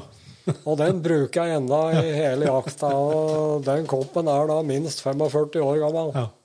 Ja. Da, og da, da begynte vi å Nei, vi, nei jeg guida ikke da. For da, da fikk vi terreng oppi det som heter Sørmyr, Ja. som vi prata om, som vi hang opp ja. elger og, Ja. og litt sånn. Men det var ikke lenge etter det. Vi var i Sørmyr i tre år. Ja, vi var der i tre år. Jeg kan, eh, nei, jeg kan tenke meg 75, ja. Ja. Cirka det. Da begynte vi å guide. Ja. Og den gangen som, eh, som det var eh, Da var det jo faren til Mille som styrte Åge. Ja. Han var sjef, for han hadde jo det her gamle i seg, vet du, på Det var jo liksom reine Ja, jeg skal være litt forsiktig, men det var jo litt sånn herrefolk, de her Ja. over oss guidene. Ja, ja, ja. og det verste var at vi, vi fikk ikke lov til å ha med oss børse. Nei. Guidene fikk ikke lov til å ha med børse de første åra. Og ja, du kan jo med mange av disse som ikke hadde jakta mye, så hadde det vært absolutt en fordel at guiden hadde hatt litt å skyte med. Ja. Så det Ja da. Men eh, så kom eh, Andreas Stang, som var gift med Mille i mange år. Og det var en veldig, veldig flott eh, og interessert kar. Ja. Og vi prata mye, og jeg husker det første som vi ville, det var at jeg sa at du må, når du sender de her innvielseskorta til gjestene dine, så må du henge på det at eh, de må ha på seg noen klær som er stille. Ja. Du vet, De kom i boblejakker og greier og alt sånt. vet du, og Hvis du skal inn på en los på 50 meter, så da skraper og greier det. vet du. Ja. Ja. Og alt sånt kunne vi ikke prate om før. Men når han kom, så blei det Og det blei en veldig forandring på det der. Ja. Så de lærte veldig fort, de der gjestene. Og det, det ble bra. Og da, da kunne vi da kunne vi liksom begynne å Men det hendte jo enda det at eh, de kunne si det at eh, Nei, jeg tror du må skyte her også. Liksom, og det, det er ikke så Han skal ikke eh, Jeg husker det at jeg syns det der var rart, men hvis du kommer rett ifra byen og ikke har eh, Kan huske på det at disse første åra her, det var ikke skyteprøver eller noe Nei. verdens ting. Vet Nei, du. nei. Og da, da blei det sånn at eh, jeg veit flere av disse her som har blitt veldig flinke. Starta på null, og, og etter hvert så var de virkelig dyktige. Så det, og det syns vi var veldig hyggelig. Så det Og så var det jo det, da, at det, det blei jo Etter hvert så blei det jo masse skal vi si, seriøsiteter som kom der. Av alt mulig av folk. Fra, fra ja, kan du si toppfolk innen industri og alt sånt noe rart. Ja. var vi ute med. Og litt tyskere og litt sånn forskjellig. Ja. Så Og det var, det var mange, mange fine år, det der. og der. Det, det var det. Ja. Ja og så mye, mye elg og, og store sjanser for å lykkes. Ja, og masse elg, vet Ja. du. Så det, og disse her da, som ikke kanskje hadde skutt noe. Mm. Og jeg veit vi måtte jo liksom få roa dem ned, da. Ta det nå veldig med ro og litt og alt det der. Og, og, og det hørte de på. Ja. Masse av disse var jo skarpe folk, vet du. Bare det at det var helt nytt, det Mm. de skulle gjøre. Og da, da begynte det å bli veldig bra. Ja. Ja, det, det gjorde det. Ja da. Nei nei, jeg, han kunne jo nevne noen navn i dette, men det har ikke så mye hensikt. Det, det var jo liksom eh, folk fra alt mulig. ja, det er klart det. Ja. For, for å fortelle om um, Og den bikkja som var litt sinna på fallet, Å ja, oh, ja, det skulle vi ta med. den syns jeg var litt syns det var litt morsomt, for det at eh, disse svenske vennene som jeg drev og jakta med oppe i Sverige Ja. Og da trang de hunder noe veldig, for de hadde ikke det. Nei. Og det var ikke nok. det. Jeg fôra dem jo en tre-fire sjøl. ja. Men så sier eh, Lennart Olofsson det at du eh, kan få låne den ene hunden her. Og og så hadde han en kompis òg, så at vi fikk to hunder av dem. Og det var bra. Den ene var ei tispe. Og han eh, tidligere forsvarsministeren vår eh, Og hva han hette han her nå? Grieg Tidemann. Ja, Grieg Tidemann het han. Han hadde vært ute med den tispa og skutt en elg i fin los. Men så var han litt grann rask på, bort på det der fallet der. ja. Og det endte med at det blei høl i gummistøvelen. Og da også øh, når vi, vi øh, Ja, det var vel en dag eller noe etterpå, så kom jeg og Erna kjørende. Og så møtte vi Åge Treskov. Jeg husker han hadde en sånn amerikaner med treverk på sidene. Syns den var så flott. Ja, og da stoppa han, da. Ja, og vi prata litt, og så sier han at eh, den der ene tispa du har, Rolfsson, den eh, hun er litt skarp, den, sånn. Det endte med at han uh, Greg Tinemann fikk høl i gummistøvelen sin. Ja, sier jeg, det var jo så. Men så kommer Erna inn, og så sier hun det at eh, jeg syns Norges forsvarsminister burde klare seg mot ei lita gråhundtispe. og, og da Det lo han Åge Treskov så godt av. Og så sa han Gjett om han skal få den til middagen i kveld. Du både jakta her, du jakta på Treskogskogene sjøl òg, ikke, ikke, bare, ja, ja, ikke bare guida? Vi fikk eh, Vi hadde jo ei jakt hos Treskov som var nesten ingen grenser på. Nei. Vi hadde jo Ja, hvor mange var det? Åtte?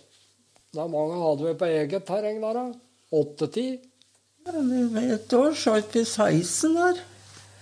På, Ja, på egen, ja. på egen jakt. ja. Og eh, pluss alle det. Og så var det bare det at eh, hvis jeg ville gå innover, så skjøt jeg for Treskov, vet du. Ja. Så det var liksom ingen stopp på det der. der.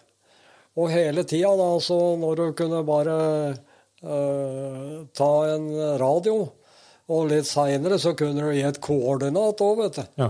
Og da viste de jo på flekken hvor dette lå hen. Så, og så kunne du fortsette sjøl. Og det var jo liksom sjølve clouet med at du kunne greie å skyte så mye elger. ja. ja hva er rekorden på én dag? Har du det? Ja Fire Nei, fire har jeg skutt flere ganger. Han Knut skjøt fem, husker jeg. Ja, Knut skjøt fem. En som er guida. Ja. ja, det er en bra dag på guidingen. Ja, ja, ja nå ble Ja, fire-fem er eh, det meste jeg har skutt i dag. Ja. Du vet, etter hvert som du, du liksom begynte å ha skutt i en god del elger, så spilte det ingen rolle om det ble tre eller fire. Nei. Det det. var losen og det hele sånn som betydde mer enn det. Ja. Ja, la- la- altså det å skjøte fire-fem elger på en dag, det, det, det kan jo forekomme, men, men ikke i los. Ja. Det er ganske sjelden, ja. Ja, ja. Ja. altså vi, vet, Der nede, det var jo det som var eh, Som disse var villige til å betale for. Vet du. Det var jo det at eh, de satt jo ikke på post. Vet du. Vi hadde ikke en eneste post. Alt ble skutt i los. Ja. Og det er ganske enestående, syns jeg. ja. Så det, men eh, det er jo sånn at terrengene der nede, de innbyr til åsundjakt. Ja. Veldig fint arrondert med gammelskog.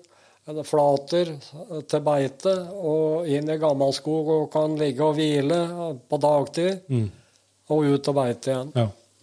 Det, så det er eh, Det har vært utrolig fine marker der. Ja. Noe som jeg syns jeg får litt uh, lyst til å, å spørre om uh, Det er jo mange forskjellige måter å vomme ut en elg på.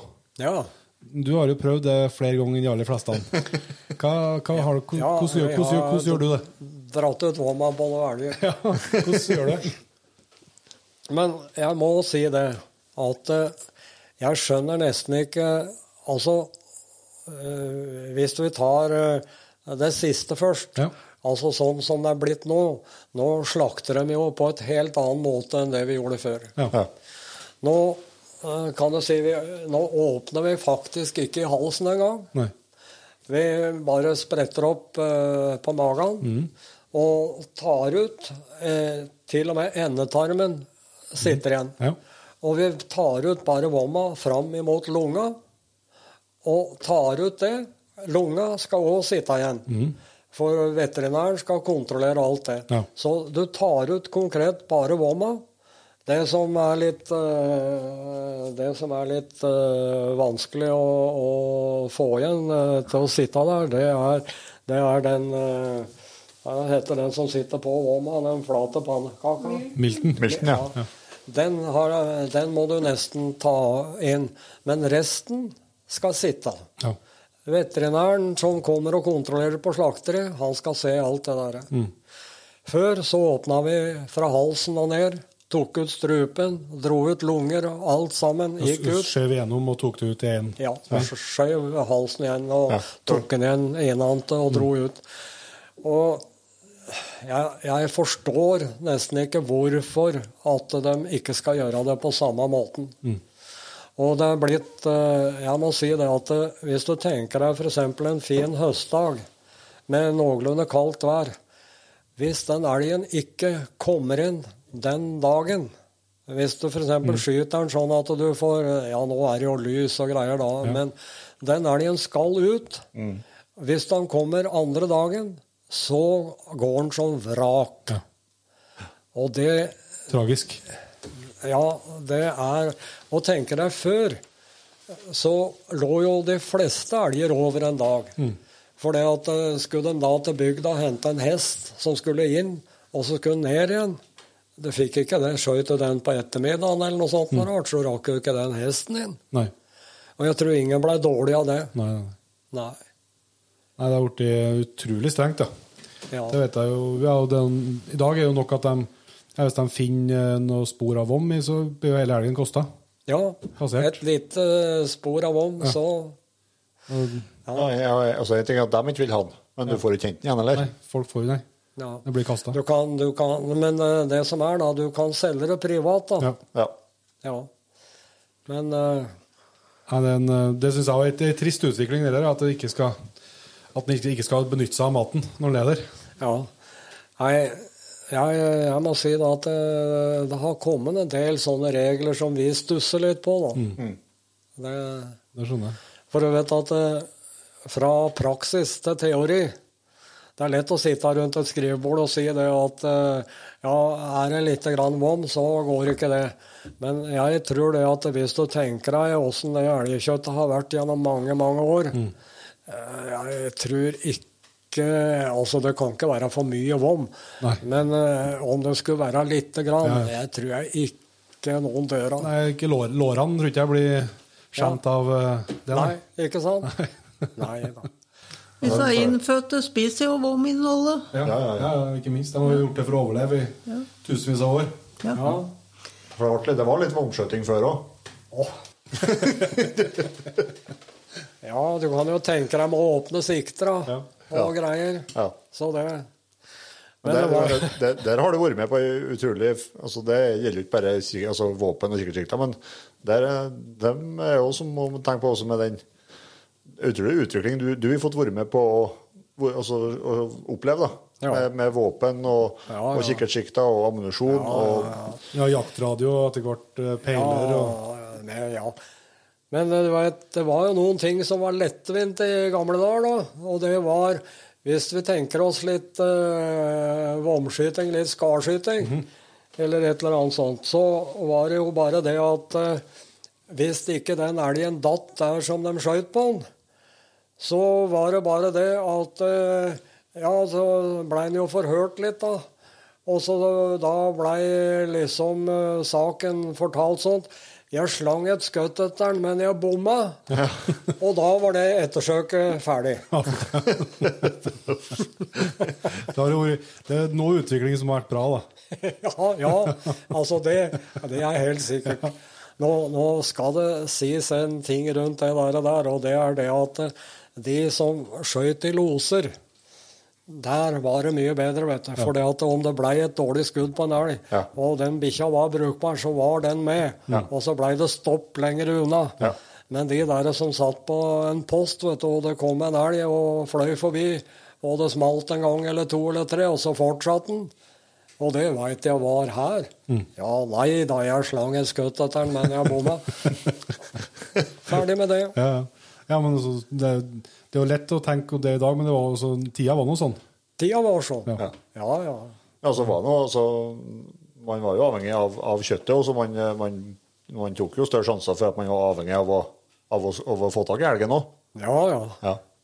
Men jeg er jo nysgjerrig på når du Hvilken kaliber og sånt har du brukt eh, utover, utover jaktkarrieren? Ja, Og kula? altså nå eh, Jeg brukte 3006 i en del år. Ja.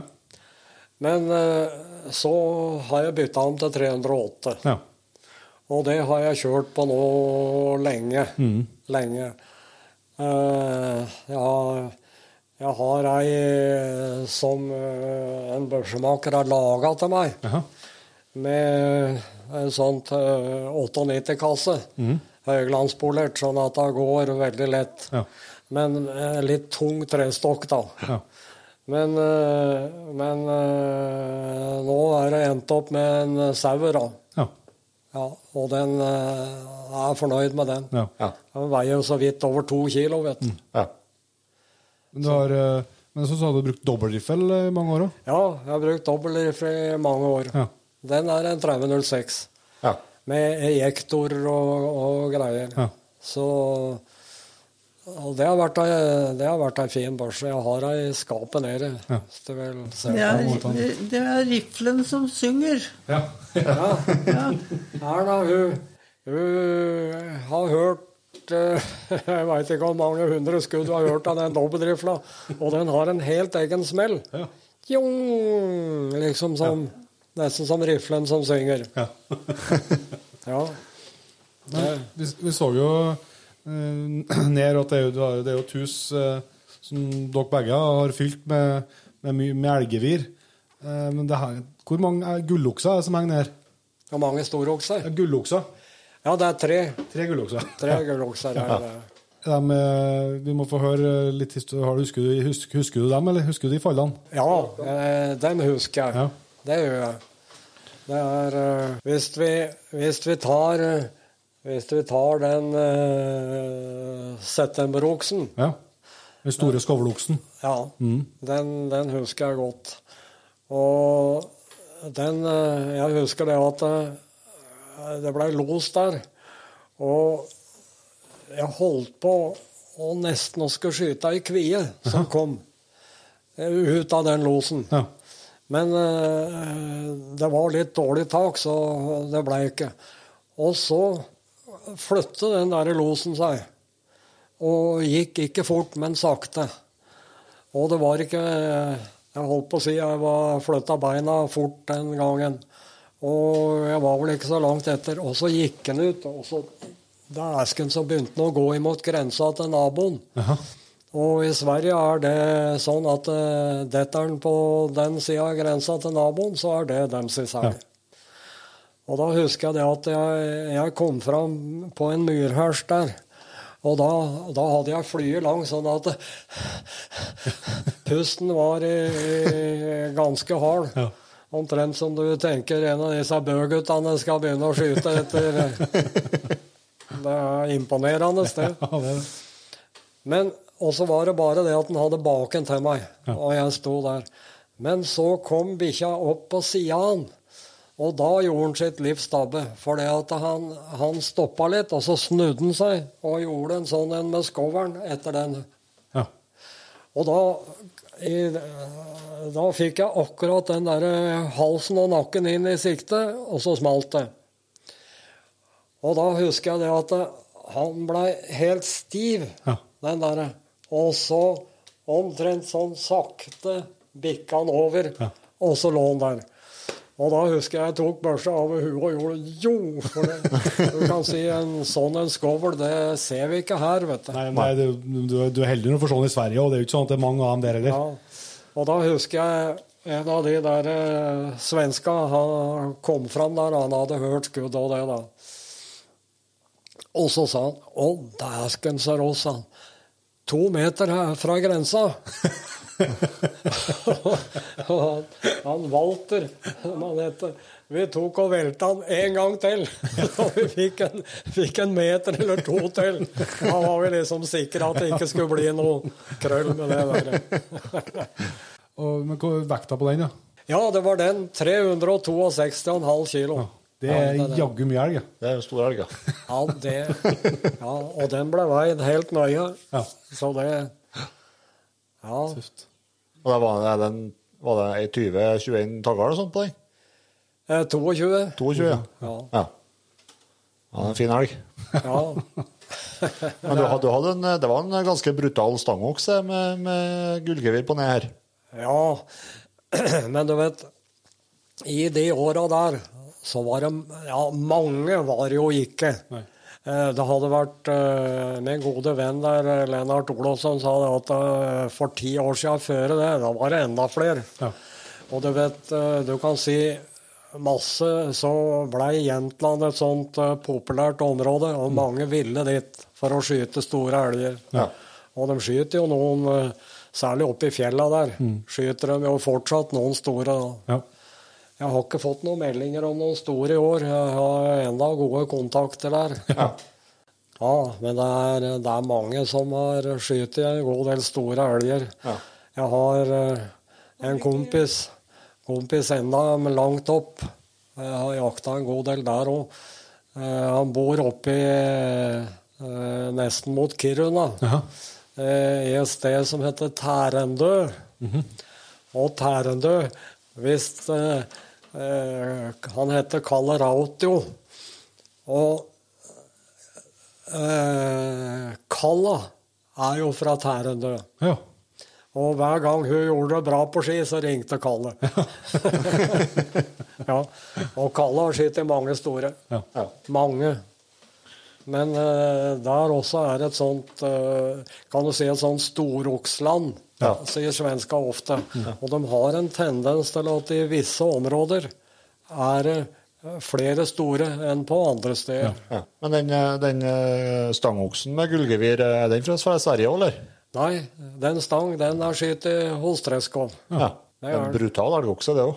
Ja, det var en eh, eh, En liten historie rundt den òg.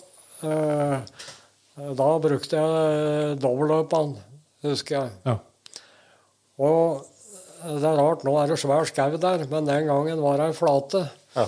Og det var såpass langt hold der at det var helt i grenseland uh, for å kunne skyte. Ja.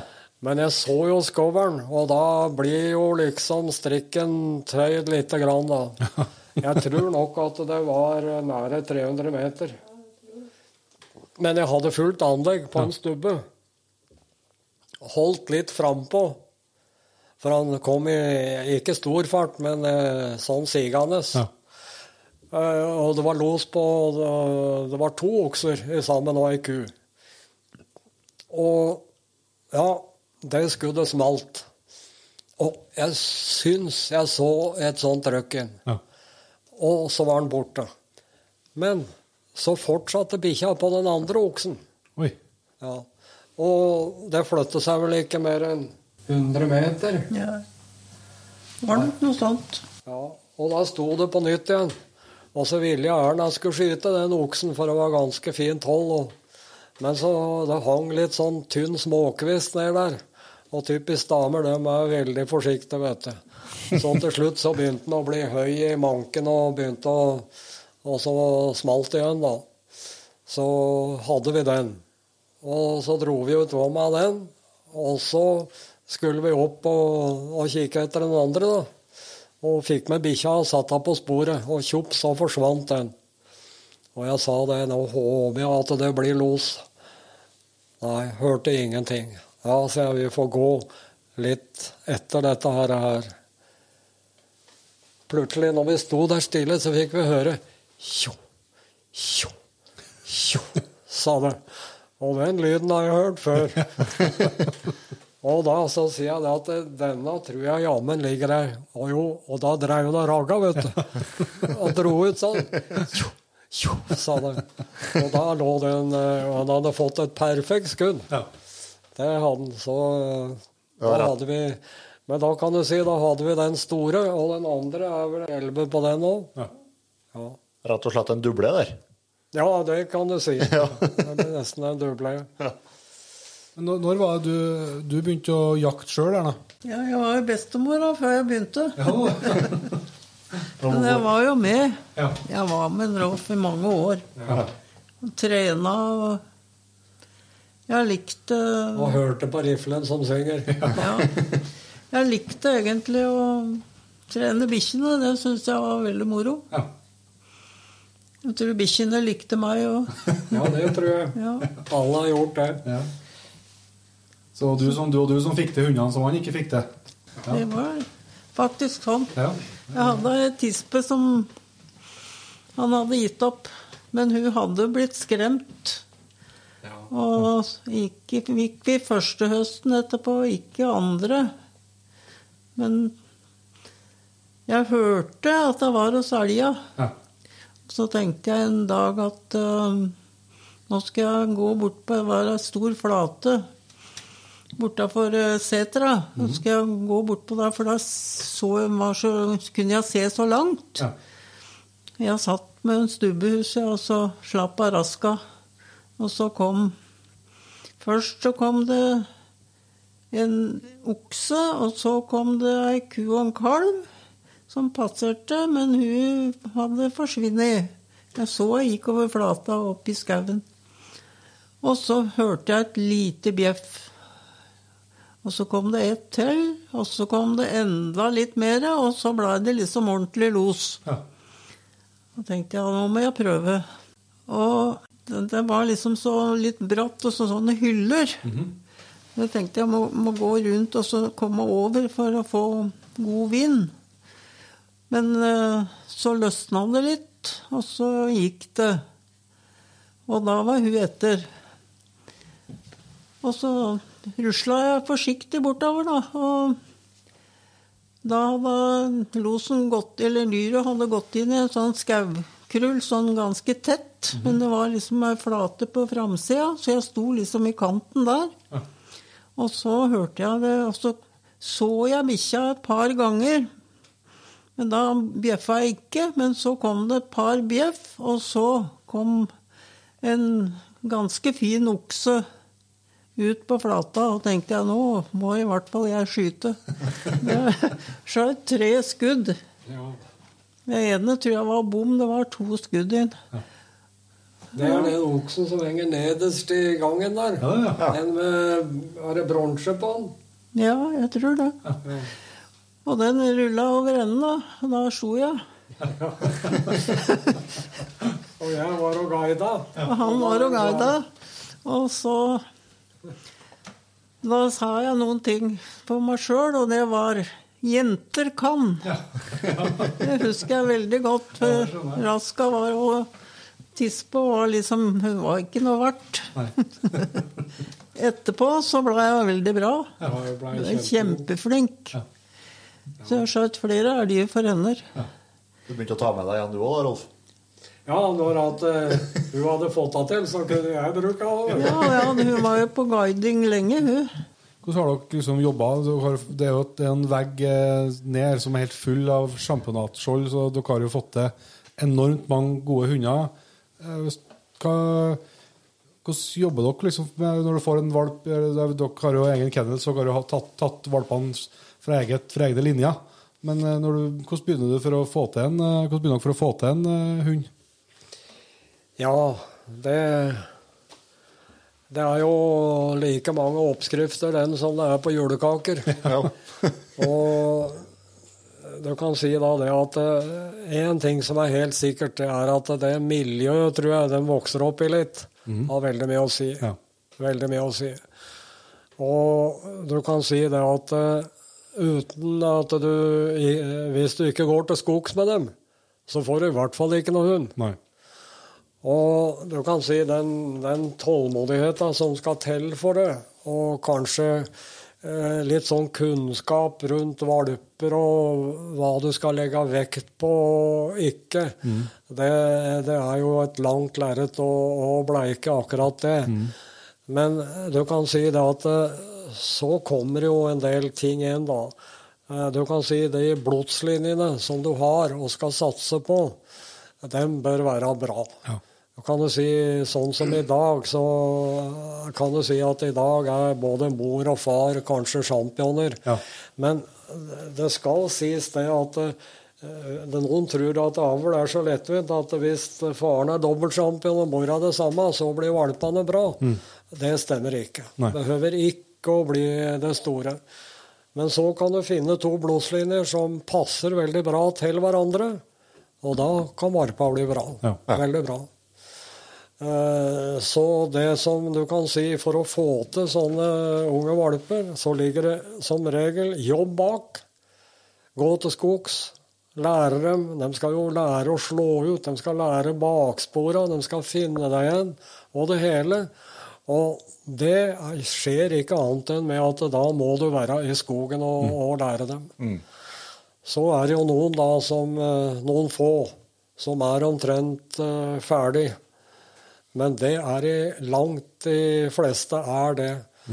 Jeg vet han siste, som, han som døde nå i hundegården, han var liksom, Det var ikke noe jobb med noe, det var bare å slippe. og Han eh, interesserte seg for elgspor og fulgte de og tok ut og begynte å jage. Ja. Men sånn er det ikke med de fleste. Nei. De fleste må du plundre litt med. Det, det er det.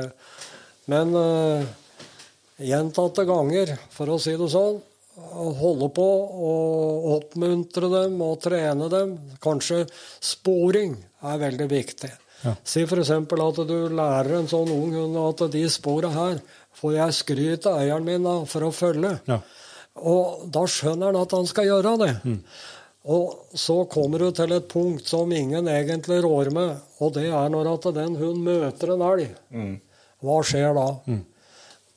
Det eh, er ikke lett for eieren å kontrollere. Nei.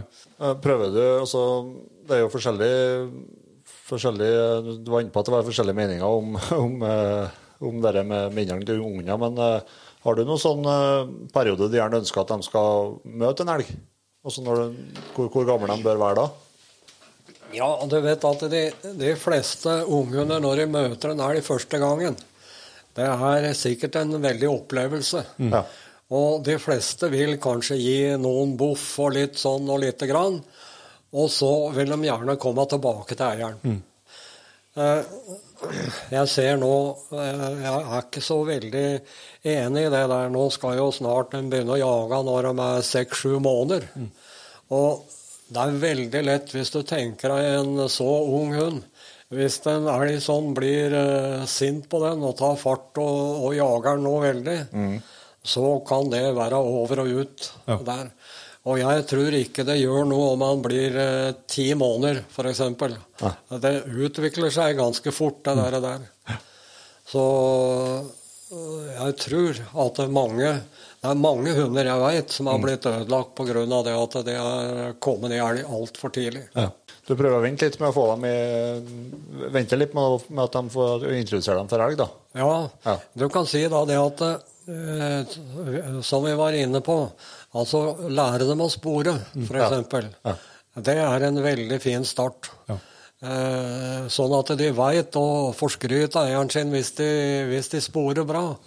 Og da kan du si at neste gang som det, du skal slippe en sånn en, og han skal få lov til å gå løs sjøl, så vet, hvis han finner et sånt spor, da, så har han jo fått skryt for at han følger det. Ja. Og da tror jeg det at det er mye lettere at han tar etter det. Så det og da er det som sagt at det, det møtet, det, det står hun og elgen for sjøl. Ja. Ja. Men når du begynner å slippe dem, eh, da er du Går du noen ting, eller sitter sitter du bare i ro og venter på at de skal søke ut, eller går du dem ut hvis, du, hvis de ikke vil søke ut? Altså, du kan si det som eh, eh, Vi gjør nok litt forskjellig der sånn. Ja. Altså, jeg har en tendens til at jeg vil gå veldig sakte. Ja. Noen setter seg ned, eh, kan gjerne eh, lage bål og sitte der. Og en sånn ung hund, han vil jo begynne å leite litt. Ja. Og ingen av de tinga kan du si jeg synes, Det er ikke noe galt i noen av de. Nei. Men hele tida så utvikler jo hun seg når hun får anledning til det. Det som er, eh, er veldig viktig, det er at du ikke går for fort. Ja. For at da får han ikke noe med seg, for han vil følge med deg. Og det må han få tid til å, å undersøke og, og lære noen ting på egen hånd. Ja. Men du slipper ikke dem i spor, liksom. Du, du, de må prøve å finne dem. De vil ja, finne dem altså, sjøl. Du vet, på de områdene som det er mye elg, så er det jo ofte lett å finne et spor, vet Ja. du. Det er det jo. Slipper du dem i områdene der de er mye elg, eller vil du at de skal Nei, altså Til å begynne med så prøver vi å søke sånn at han lærer seg å søke litt. Og det er mye han skal lære å søke ut, og så skal han finne deg igjen Ja. på bakspora. Ja. Og det hender jo av og til at det kan bli noe hyl og hul når han ikke klarer å finne en. Ja. Men da må du bare prøve å hjelpe han litt, og kanskje la han få plundre litt til. Og de, de lærer det der eh, som regel ganske fort. ja. Ja. Ja, for at det å ta baksporet virker jo som at det ligger ganske Det ligger i hundene, om det er en, om det er en, eh, en sånn ren familiehund òg. Ja. De har jo den tendensen til at de finner igjen baksporet sitt. ja, ja. Det har de. Det med å felle for en unghund, er, er er det, syns du det er, like, viktig på alle hunder å få Ja. felt for dem? Altså, du kan si det at eh, du vet, Hvis du tenker på, på forskjellige raser så I dag er det jo masse topp harehunder eksempel, som aldri har blitt skutt en hare for. Ja. Eh, Jeg er ikke så helt overbevist om eh, det er det samme med en elghund. Eh, Du, kan nok strekke det ganske langt, så lenge du kan si at du, eh, eieren forstår at hun syns det er morsomt. Og han ikke går for mye, sånn at han blir sliten, men hele tida du ser gleden ved at han uh, gjør det. Ja. Så tror jeg ikke det er farlig. Det, det er uh, Men her ligger, jo, her ligger jo det der som du kan kalle jaktløst inne. Hvis vi tenker på, eh, tenker på jaktkompisen min som var ute nå, eh, som i går hadde, hadde los da i over tolv timer. Det er ikke noe å kjete etter det. Jeg syns ikke eh, Du kan si hvis du ikke har skutt i løpet av en tre-fire timer, og det, det er det nesten statistikk på, så er det ikke så mange elger du skyter. Nei. De fleste de skjer innen en time, to, tre. Absolutt. Men så kan du si da han som holder på så lenge, han skal ut dagen etter på morgenen. Og da ser du de som det er jaktlyst i. Altså den hun ble sluppet da klokka halv ni i dag, gikk rett ut i søk og fant en elg etter en, eh, det en halvtime og losa på den eh, til klokka var to. Og da klarte de å lokke den av. Ja. Og, og da har du det der at uh, sjøl en sånn dag uh, som med så mye fysisk aktivitet, har ikke tatt det bort at uh, han vil ikke noe dagen etter. Han vil. Ja. Og da, da er du inne i den rette blodslinja litt. litt. Han er forresten etter den hund som vi fant uh, ja. død i, i hundegården. ja. Ja. Så det Han lever, han, blodet lever videre. Ja, ja da. Men eh, du har jo hatt noen hunder, eller dere da må jeg si, dere har jo skutt for dem begge to. Dere har hatt hunder som det er felt veldig mange elger for, med guiding og mye elg på skogen. Blir de bedre etter hvert som du feller mye for dem, eller Ja. når du har fått felt noen, så er de på et vis ferdig? Ja, her er du inne på noen ting som eh, kan du si eh, også er litt spesielt. Du vet, en hund som får en sånn mulighet til at det blir skutt masse elger for, så kan du si da at når den var ung, så jagde den to timer, og så slutta han å komme igjen til deg. Og vet, men så kan du si til de her gjestene som vi har guida, så kan du ikke si det at på en sånn ung hund Du, nå har den her hunden jagd i fire timer, nå kan vi ikke skyte, for det ellers så blir den helt håpløs. Ja. Det går ikke. Men så kan du si da det at det, det viser seg det at når vi, når vi skyter eh, elg på elg, og så blir kan du si Den ene losen begynner kanskje si du skyter etter to timer, så får en annen en som går i fire, og så skyter du etter seks. Og, og da er de på tur. Ja. Da vil de gjerne holde på lenge, for da tror de det at det blir en smell. vet du. Ja. Så, eh, men i dag så er det jo kjent at eh, masse Jeg ser til og med på Facebook at de skryter av en hund som har jagd over 30 timer. Altså, jeg syns det er negativt. Ja. Altså, han har jo ingen kontakt med eieren sin. Nei. Og si da f.eks. når du slipper noe rett ut og borte i kilometervis. Har ingen kontakt i søket. Og så finner han en elg og begynner å jage, og jager i 30 timer. Du vet at Hvis vi ikke hadde elektronikken, så var jo en sånn hund helt ubrukelig. Ja. Ja, ja. Så, men noen syns om det. Eh, Men du vet at det, de fleste eh, som må sies som sant er, de har ikke så stort terreng at hvis en hund har holdt på i 30 timer, da er ikke den hunden i det terrenget, for da hadde de skutt den. ja, ja. Hvis det, det, ellers er det feil, feil helg, i hvert fall. Ja. Dere har hatt veldig mange hunder og sett uh, hunder som jobber alle forskjellig. Har du gjort deg opp noe formening om hvorfor noen hunder er veldig bra til å få elgen til å stå i los, og noen ikke er gode til det? ja, det der er jo ikke noe nytt spørsmål. Nei, ikke akkurat. Det, men det er det å si at eh, jeg er sikker på det at en elg, som, eller en hund, som kommer for så vidt ro, rolig fram til en elg eller en elggruppe og begynner å lose eh, ganske forsiktig, den har en større mulighet til å få den til å stå enn en som kommer som en kanon og raser inn i, i den flokken der. Ja. Uh, Så jeg tror, tror på det at et rolig uttak har uh, mye å si for å få det til å stå. Ja. Men det er jo heller ikke som, kanskje så mye vi kan gjøre for å påvirke. Det må ligge i hund. Der òg er vi inne på noen ting vet du, som eh, vi ikke kan påvirke. Måten den hunden gjør det, det på, det tror jeg ikke Jeg tror mer at det kan ligge eh, relatert i, i foreldra. Ja. Ja, det tror jeg. Har de eh, fine uttak og er ganske rolig, så tror jeg det er lettere å arve. Er det noen eh, sånne gærninger, så er det kanskje lettere at de blir som det. Ja, at, de, har- at, de, at, de, at de har evnen til å lære. Ja. At de ikke gjør det på samme måte hver gang. ja. Det er jo stor forskjell på det òg. Du vet det, der eh, du kan si at en ung hund f.eks. kvinker etter litt, det må du nesten tåle. Ja. Du kan si f.eks. en hund kommer eh, innpå en elg som står, og den elgen hører den hunden. Og så kommer den i full fart, så kan det hende den elgen vil stikke. Hvis den hunden er litt forsiktig og kanskje begynner å lose litt langt unna litt, så er det klart at det er muligheten kanskje til stopp er større.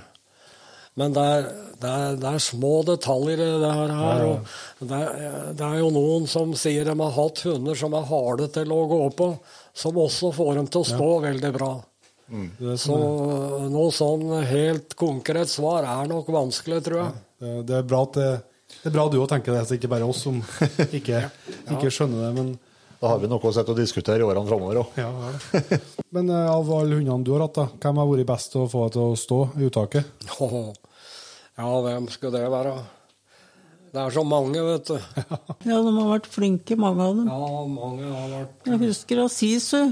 Hun gikk rundt Hun gikk rundt elga lenge før hun begynte å bjeffe. Ja. Det kan jeg huske. Jeg hadde jo en, jeg får nesten ta med den som eh, Det, det hender at det blir noen tragedier òg. Ja. Jeg hadde en uh, utrolig flott elghund som heter Iver. Og han var en internasjonal champion. Og han klarte jeg å skyte. Ja.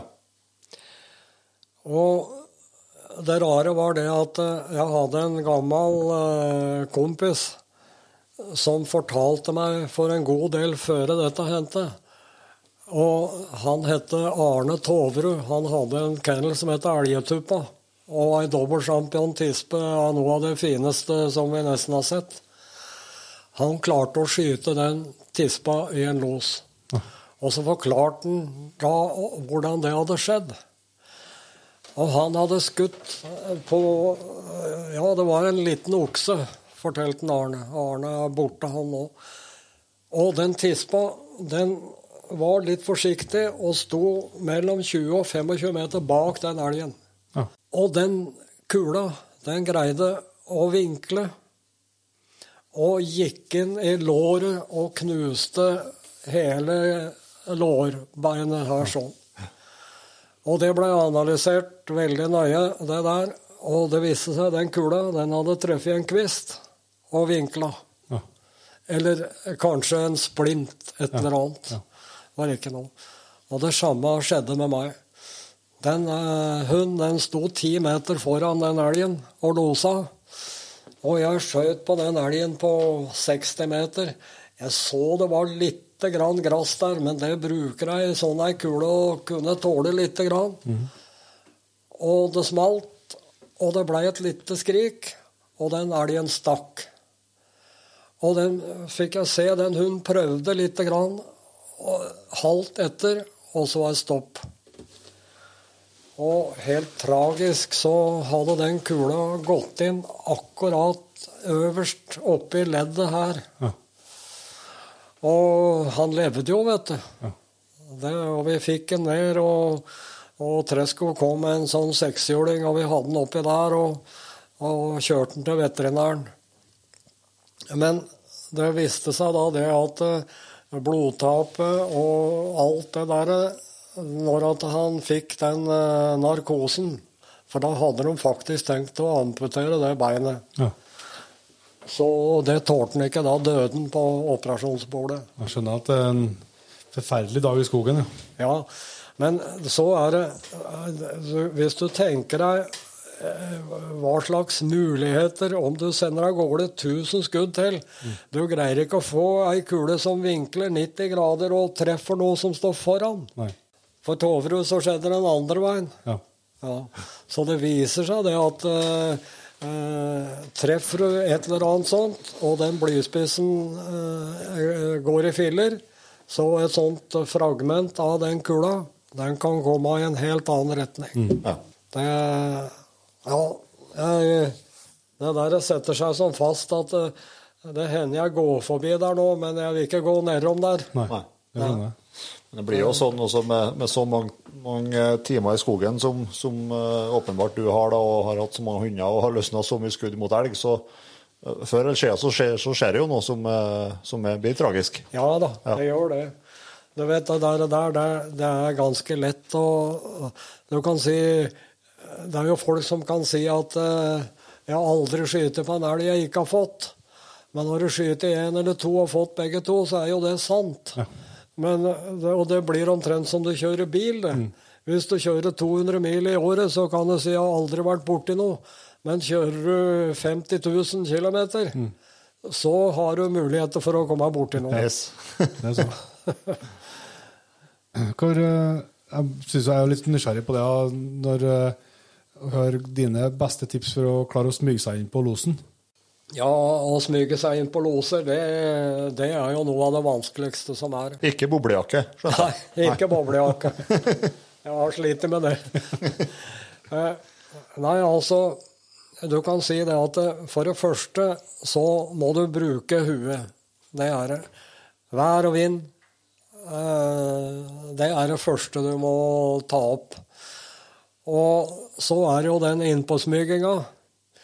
Eh, Du kan si eh, det er jo mye vet du, som, eh, som kommer inn i et sånt et bilde. Er du, er du Jeg holdt på å si Har du en bygning som er eh, fin for kroppen, du kan flytte av litt, og istedenfor at det kommer tramp, tramp, tramp, det, det er jo en veldig, veldig forskjell. Ja. Det, det vanskeligste det er jo rundt at når du begynner å komme f.eks. på 50 meters hold, da er, da er det små detaljer som, eh, som eh, gjør at det stikker eller står. Mm. De der store øra som står der, altså de, de hører utrolig godt, vet du. Og jeg har ofte funnet ut det at eh, kommer du på 50 meter, så kan du stoppe. Ja. De siste meterne der, dem har du så liten sjanse til. Altså, Alt spørs jo på terrenget. da. Jo, jo. Er, det, er det flat gressbakke og kan gå helt stille, så kan du prøve deg litt til. Men det er jo veldig sjelden det er det. Mm. Og du kan si bare en, et lauv på bakken som det sier et krås under, det er nokså stikkere. Ja. Så og, og i de fleste tilfellene har du kommet på 50 meter, så vil den elgen gjøre et utslag på bikkja før eller seinere. Som regel, i hvert fall. Ja. Ja. Eh, og det er da det skjer. ja.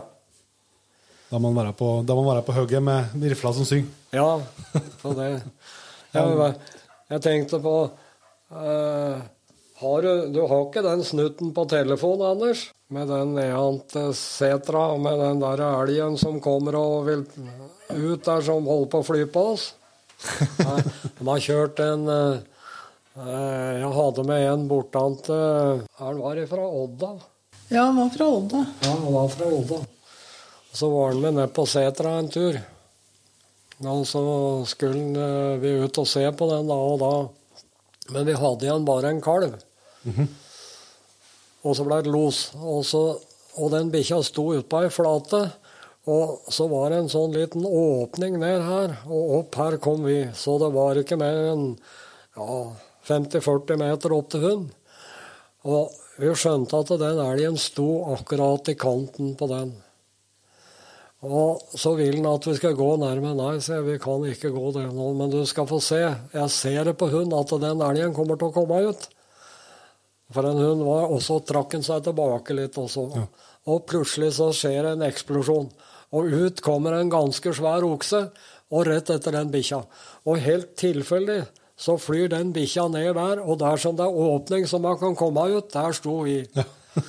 og den elgen, da, han kom jo på ja, hvor langt kunne det være? 10-12 meter. Ja. Og da måtte jeg sprette opp og, og, og gjøre sånn. Og da setter han seg på baken, vet du. Og du ser måsene trykke på frambeina foran. Og, og han får jo stoppa da, og kaster seg. Ja. Og, og den har vi på film. Han vant jo i, på Er det det det heter? da? Ute i naturen? Det programmet. Han var sånn Ja, konkurranse. ja. ja, da tror jeg jeg har sett den. Ja, da har du sikkert han sett den. vant den derre Stemmer det. Vi hadde litt, vi hadde litt morsomt av det. Du, må, du må ikke ta inn alt. Da, kan for det. At, eh, og så sier Erna det at eh, For da så vi på det programmet, og så vant den. Ja. Så sier jeg, og da var ja, Er det var han skulle hen? Til Mauritius og da på Krüger eh, Ja, han, han, skulle, han skulle først til Krüger nasjonalpark. Og så skulle de en tur ut på Mauritius etterpå. Ja. Så sier Erna nå får du en god tur. Eh, ja. Og så da satt de jo rundt det derre bålet veit du, oppå Krokskauen der. Ja, ja. Ja, og så spør han programlederen eh, Ja, men det er jo en tur for to. Og da sier Erna nå får du en fin tur, sier han. Ja, hvem vil du ha med deg? Uh, jeg tenkte ja, jeg tar med kjerringa, jeg. Så da, da ble Det var jo naturlig, det, da. Hæ? Det var vel naturlig, det, da. ja, ja, ja. Jeg syns jo det. Men eh, det er jo ikke, ikke bare i eh, det er ikke bare i skogen du har eh, holdt på med, du har kalt på. Du har, vært, hatt noen dager i utstillingsringen òg. Jeg har hatt noen dager i utstillingsringen. Det skal jeg si deg. Ja. Ja. Og det har Det må jeg si at den delen av, av elghundmiljøet, det har vært veldig bra. Ja. Ja, det har vært veldig givende. Jeg har truffet masse Du treffer masse hyggelige folk som uh, har samme interessen som deg. Mm. Det er klart det er noen som er skuffa, og noen uh, er glad, for å si det sånn. Ja, ja. Men sånn må det jo bli. Ja. Det, det er ikke noe, men uh, det er veldig viktig at du har en, en bra måte å formidle på hvorfor f.eks. den ikke vinner i forhold til den. Det skjønner de eh, som regel hvis du ja, et språk som folk forstår, ja. Ja, Mm. det syns jeg. Så det, og ofte kan du si, sånn som det har blitt, så I dag er det jo mange fine elghunder. Vi kommer ikke bort ifra det. Det er mange fine ekstraørmessig fine elghunder. Ja.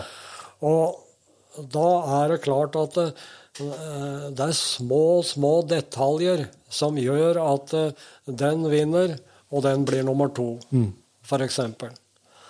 Det er det. Så, eh, Men da er vi tilbake til det at eh, dommeren bør ha en bra forklaring. Det er det lille som gjør at i dag setter jeg deg som nummer én, og du er nummer to. Og det blir som regel respektert. At det kan diskuteres, det, det skjønner vi. Jo, jo. Ja, for du har 43 år, ble det? Ja. Som utstillingsdommer.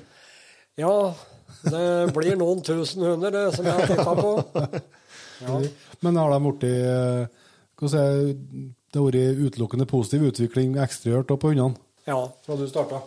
Du vet, eh, de der første åra som vi dømte da, Hvis vi tar en ting som gemytte, f.eks. Ja. Det var jo Av og til var det jo med livet som innsats det der for å få sett på tenna. ja. Men eh, bank i bordet Jeg har aldri blitt bitt.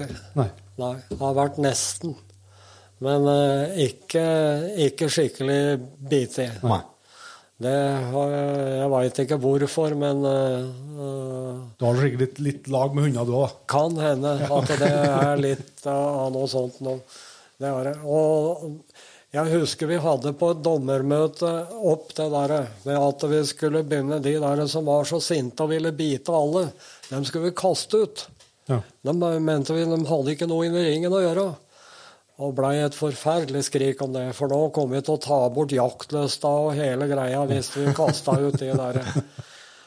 Men det vis Og jeg husker en dommer hadde et fint, eh, fint innlegg der. Han, han brukte noen svære hansker når han var inne, da. og så sa han det på det der dommermøtet at jeg er enig med Rolf, vi kaster ut det her. For vi kan ikke dømme med livet som innsats. Og sånn blei det. Og det viste seg det at etter en, bare en par år så var det der elendigheta borte. Og da kunne du få se på bittet på 99 Ja, ja. For det- noen som ikke vil, det er det enda. Men da ligger det hos eieren. Ja, ja, ja. Ja. For det, det er langt imellom å se, se Det er jo generelt spissing, ja. Det er langt imellom å se noen som viser, viser aggresjon på utstilling nå. Eller det er noe generelt uansett med hunder. Ja, ja, ja.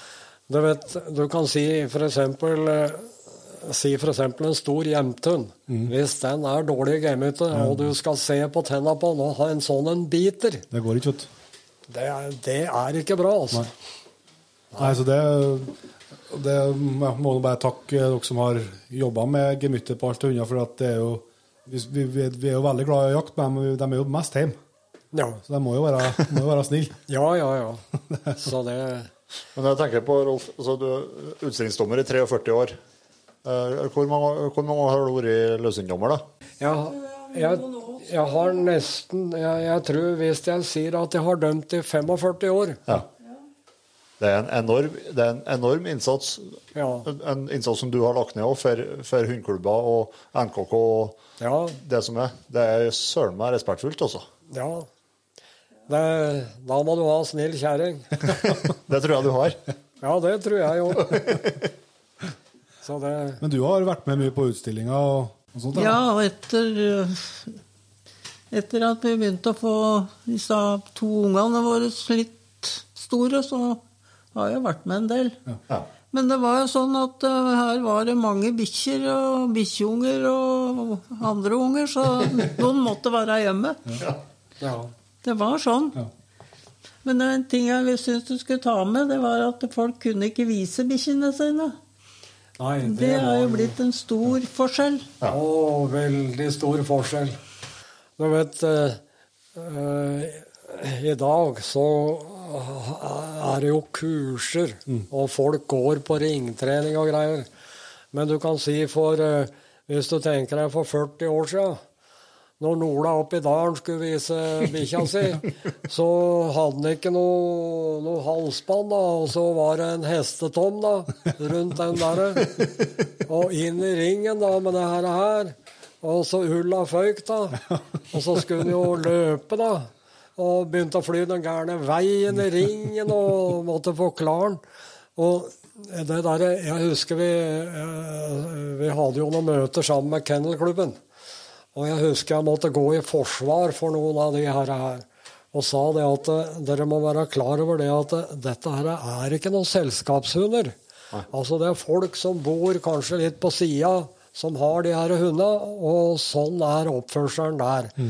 Og så skal en sånn en nå, for å komme på jaktprøvegreier, så må du ha avisen. Og så kommer han hit og er helt blank. Mann kan ikke noe, men bikkja kan være veldig fin. Ja. Og da, da må vi se på hund, og ikke på mann. At han er eh, eh, Jeg holdt på å si ikke har det rette utstyret og alt det der, der men eh, dere må dømme hund. Ja, jo, det, det blei sånn. Men uh, i dag er jo utviklingen blitt veldig bra. Ja. Veldig bra. Det er masse flinke hundeførere i dag. Ja. Hva, hva er det som har endra seg? Det er sikkert veldig mye, da, men hva er liksom de største forskjellene på de første løshundprøvene du begynte å dømme? For 40, 40 år siden, var, var, det, var det ti moment da, eller var det mindre moment, eller? Den eh, største forskjellen var altså Hvis vi går tilbake til 40 år, så var det masse dårlige elghunder. Ja.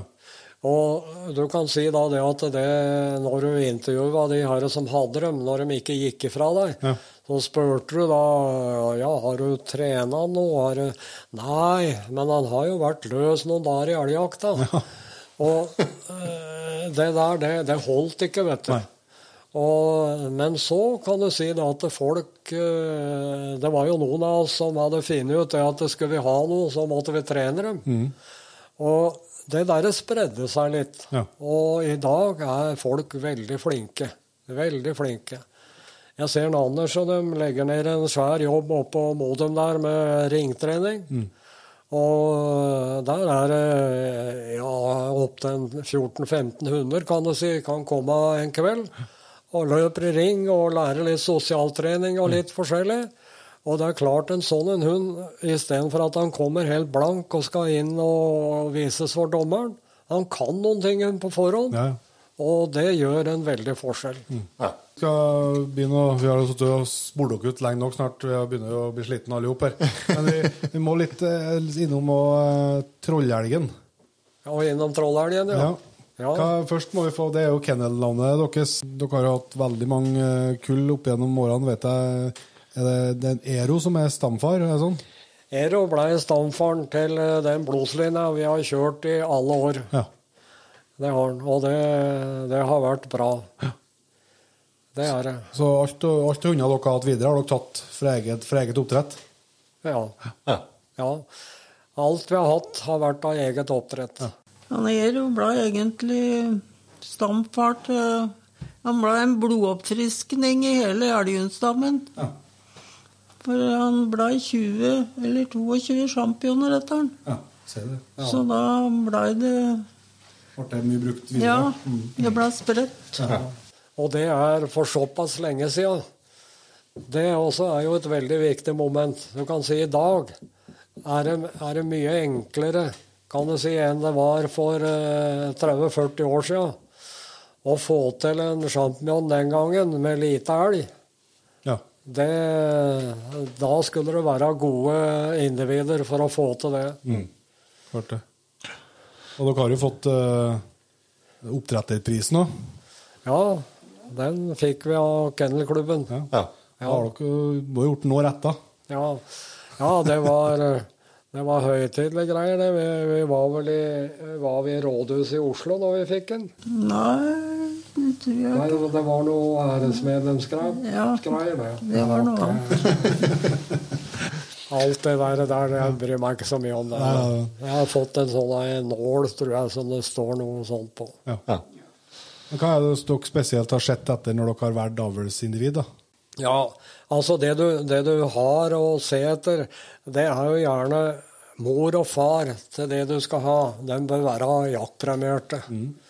Det, du vet, tidligere så var det jo nesten ikke tisper som var jaktpremierte. Støtta seg på en hannhund. Hvis du ser i dag, så er det like mange tisper. Og jeg må si jeg har hatt mange tisper, og noen av dem har vært like bra som de her topp hannhundene. Ja.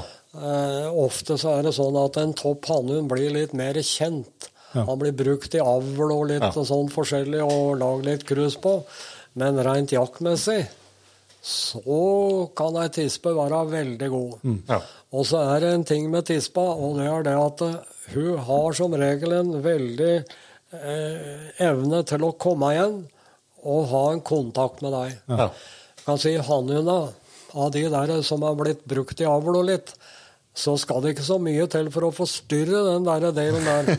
Si de kommer inn på en vei som det har gått noen med ei tispe. tispe, så kan det hende det at det ender borti noe som du helt ikke skulle.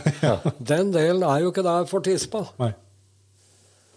Så det Ja, jeg veit Jeg veit vi har ligget med, med døra og- oppe nede på Sørlandsetra mange netter når de ikke har kommet. og så når de kommer kanskje og skraper på døra sånn i ett-to-tida om natta, så er du fornøyd da. Ja, ja. Ja. Vi skal um, begynne å gå inn for landing her nå, uh, men uh, jeg tenkte du kunne avslutte litt, Rolf. Jeg vet jo at du hadde et øyeblikk i, i høst du ble veldig stolt av. Ja, med, med den eh, gamle hunden. Ja. ja. Ja, jeg må si da det at eh, som vi har vært inne på, så mista jeg jo de to sjampionene. Ja. Og i høst da så, så måtte jeg ta igjen den der eh, han eh, jaktkompisen min. Han Ja. har han gamle Raval. Ja. Og det blei jo et lite, lite artig moment. da. Jeg hadde klart å bryte en flokk ribbein bak i ryggen. Da kunne det nesten ikke gå. Og at Vår Herre kunne være så vrang å gjøre det noen uker før jakta, det, det var ikke bra. Men eh, det er jo sånn å sitte bare i, i hytta, det er jo nå det òg. Og så måtte jeg jo ut og slippe denne hunden da. Og stopla meg nå av gårde. Og da endte det jo med det at eh, For den hunden er virkelig god, den. Ja. Det var jo den som eh, ble nummer to på NM. ja. Og det ble los. Og, så, og det var en sånn los da som sto, og så gikk det 200-300 meter, og så var det stopp igjen. Og så flytta det litt igjen. Og så han der med de der eh, dårlige ribbeina, altså, han holdt jo på å skulle slutte flere ganger. Men når det stopper da 200 meter lenger fram, så må du jo prøve, da. og det siste, den, eh, den derre så gikk det opp en liten sånn ås der, over elva og opp der. Og jeg tenkte, arme sjel, kan jeg greie å komme opp der med dette her? Og etter eh, mange ord som ikke egner seg på trøkk, så klarte jeg nå å krabbe opp den der. der. Ja. Og endelig så kom jeg nå inn på den, og da hadde det gått fire timer. Ja. Og jeg fikk den der en en liten halvannetåring inn i sikte og klemte av, og det gikk nå som det skulle være. Og da må jeg si det at eh, når jeg satt ved siden av den og jeg tenkte på alle andre elger, da var jeg virkelig stolt av den der vesle halvannetåringen. Og når vi fant ut det at eh, han var 84 og jeg var 84, så, så var jo det en kuriositet i seg sjøl. Ja. Den ble, eh, ble den henta med Rolf, Rolf Royce, var ikke det? Den ble Ja. til elgtrekkeren din. ja. ja. En eldgammel elgetrekker som de smiler litt på med det helt moderne i dag, da. Men eh, jeg sier, hadde de, hadde de kanskje sett den elghaugen som den har dratt fram, så kanskje de hadde sagt noe annet. Ja, de som kjenner til det, de veit jo åssen det er. Så det, og, men for å ha det litt eh, morsomt, da, så nå Vi må skulle ha den til lakkereren snart, eh, Anders, for at det har begynt å dette av det meste. Men så hadde de brukt sånn gråteip, vet du, til å, å, lime på på sida. Ja. Og utapå der har de da altså skrevet med svær, svart tusj Rolfs Royce. så Det tror jeg er en fin plass for oss å, å runde av for i kveld. og si tusen hjertelig takk til dere begge to for at dere har tatt imot oss og latt oss eh, spørre og grave om alt vi lurte på. Det har vært ei kjempestor opplevelse, rett og slett. Ja, det har vært eh, like hyggelig for oss. Så det har bare vært koselig, det. Bra. Tusen takk for praten. Ja, i like måte. Det var altså Rolf og Erna Frostad, det. Eh, Det er selvsagt sånn at eh, vi har, vi har vært heldige og hatt veldig mange store opplevelser når vi har laga podkast og truffet eh, eh, jegere rundt om i hele landet. Eh, Men dette er definitivt en av de, en av de største. Absolutt. Jeg håper at det ikke blir siste gangen vi prater med Rolf. Nei, og det, er- det er så selvsagt det er jo kunnskapen og erfaringa etter mange, mange, mange hundre helger. Um, men også et liv som er levd på som ikke eksisterer lenger. Så det er utrolig interessant når du får førstehånds kjennskap til det. Det, det er stor opplevelse. Og så må vi også få lov til å rette en stor eh, takk til både lytter og patrien Anders eh, Finnerud. Som eh, både blant flere, la meg si det er flere som har tipsa om eh, Rolf. eh, Det er det absolutt, men eh, han har tipsa oss eh, og hjulpet oss i både å komme i kontakt og, og få det til. Så Ja. det setter vi, setter vi stor pris på, Anders, og tusen takk for det. Eh, Vi skal begynne å gå inn for landing for alvor. eh, Og si eh, tusen takk til en vakker gjeng med nye patriens. Absolutt. Det virker som at det er mange som vil ha med seg første episode av Jegertoner, kanskje. Ja, det virker litt sånn. Så vi starter på toppen og sier tusen hjertelig takk til Ole Martin Døsen, Laura Marie Kvinseth, Hans Christian Hennøen, Bjørnhild Fissum, Petter Kvanli, Trond Norum, Kjetil Rødberg, Grete Johansen, Øyvind Pettersen, Kate Karoline Ulliksen, Åge Berg, Eirik Bjørnsgaard, Jarle Knutsen, Gard Thorshaug, Herlaugstjernen. Håvard Bratsti, Stian Kjerket, Espen eh, Heika Kemelainen, eh, Jon Fredrik, Robin Nordås, Gisle Brattgjerd, Andreas Pettersen, Bente Alice Isdal, Magnus Landgraf, Sondre Sten Stenvik, Trond Vegard Teiman, Tobias Lynum, Håkon Østerbø, eh, Børge Fjærli, Espen Varberg. Sander Sander, Martin, Daniel Pettersen, Petter Sund, Stillan Hunting, Oskar Bjørgo, Lasse Hårstad. Jørgen Aasan, Emil Melby Breum, Jon Olav Fossum, Kim Petter Fagervik, Andreas Sandven, Jørgen Melhus, Jørgen Garten, Henrik Reitan, Alf Lund, Bjørn Arve Øvereng, Morten Bensen, Espen Sundsvik, Sigurd Hansen, Mathias Okstad, Anders Grudal, Marita Skaunberg, Ole Karlsøne Hugdal, Erik Ove Sunndal. Lars Petter Flønes, eh, Morten Arne Nordbren, Øyvind Haugan, Ronny K, Magnus Gulltorp, Joar eh, Tolpirud Fredrik Sivertsen. og Joakim Skau Andersen. Tusen hjertelig takk til alle dere. Det var en bra rekke, det, eller? Bra lest, det. Det vil jeg absolutt si. Så tusen hjertelig takk til dere. Hvis du som hører på ikke er med i P3-laget og har lyst til å bli det, så er du selvsagt hjertelig velkommen. Da finner du lenke til beskrivelse av episoden. Det kommer som sagt ny episode av Jegertoner på søndag, så følg med. Neste uke er vi tilbake med en ny episode, så vi sier som vi gjør, bruker. Til neste gang. Vi høres.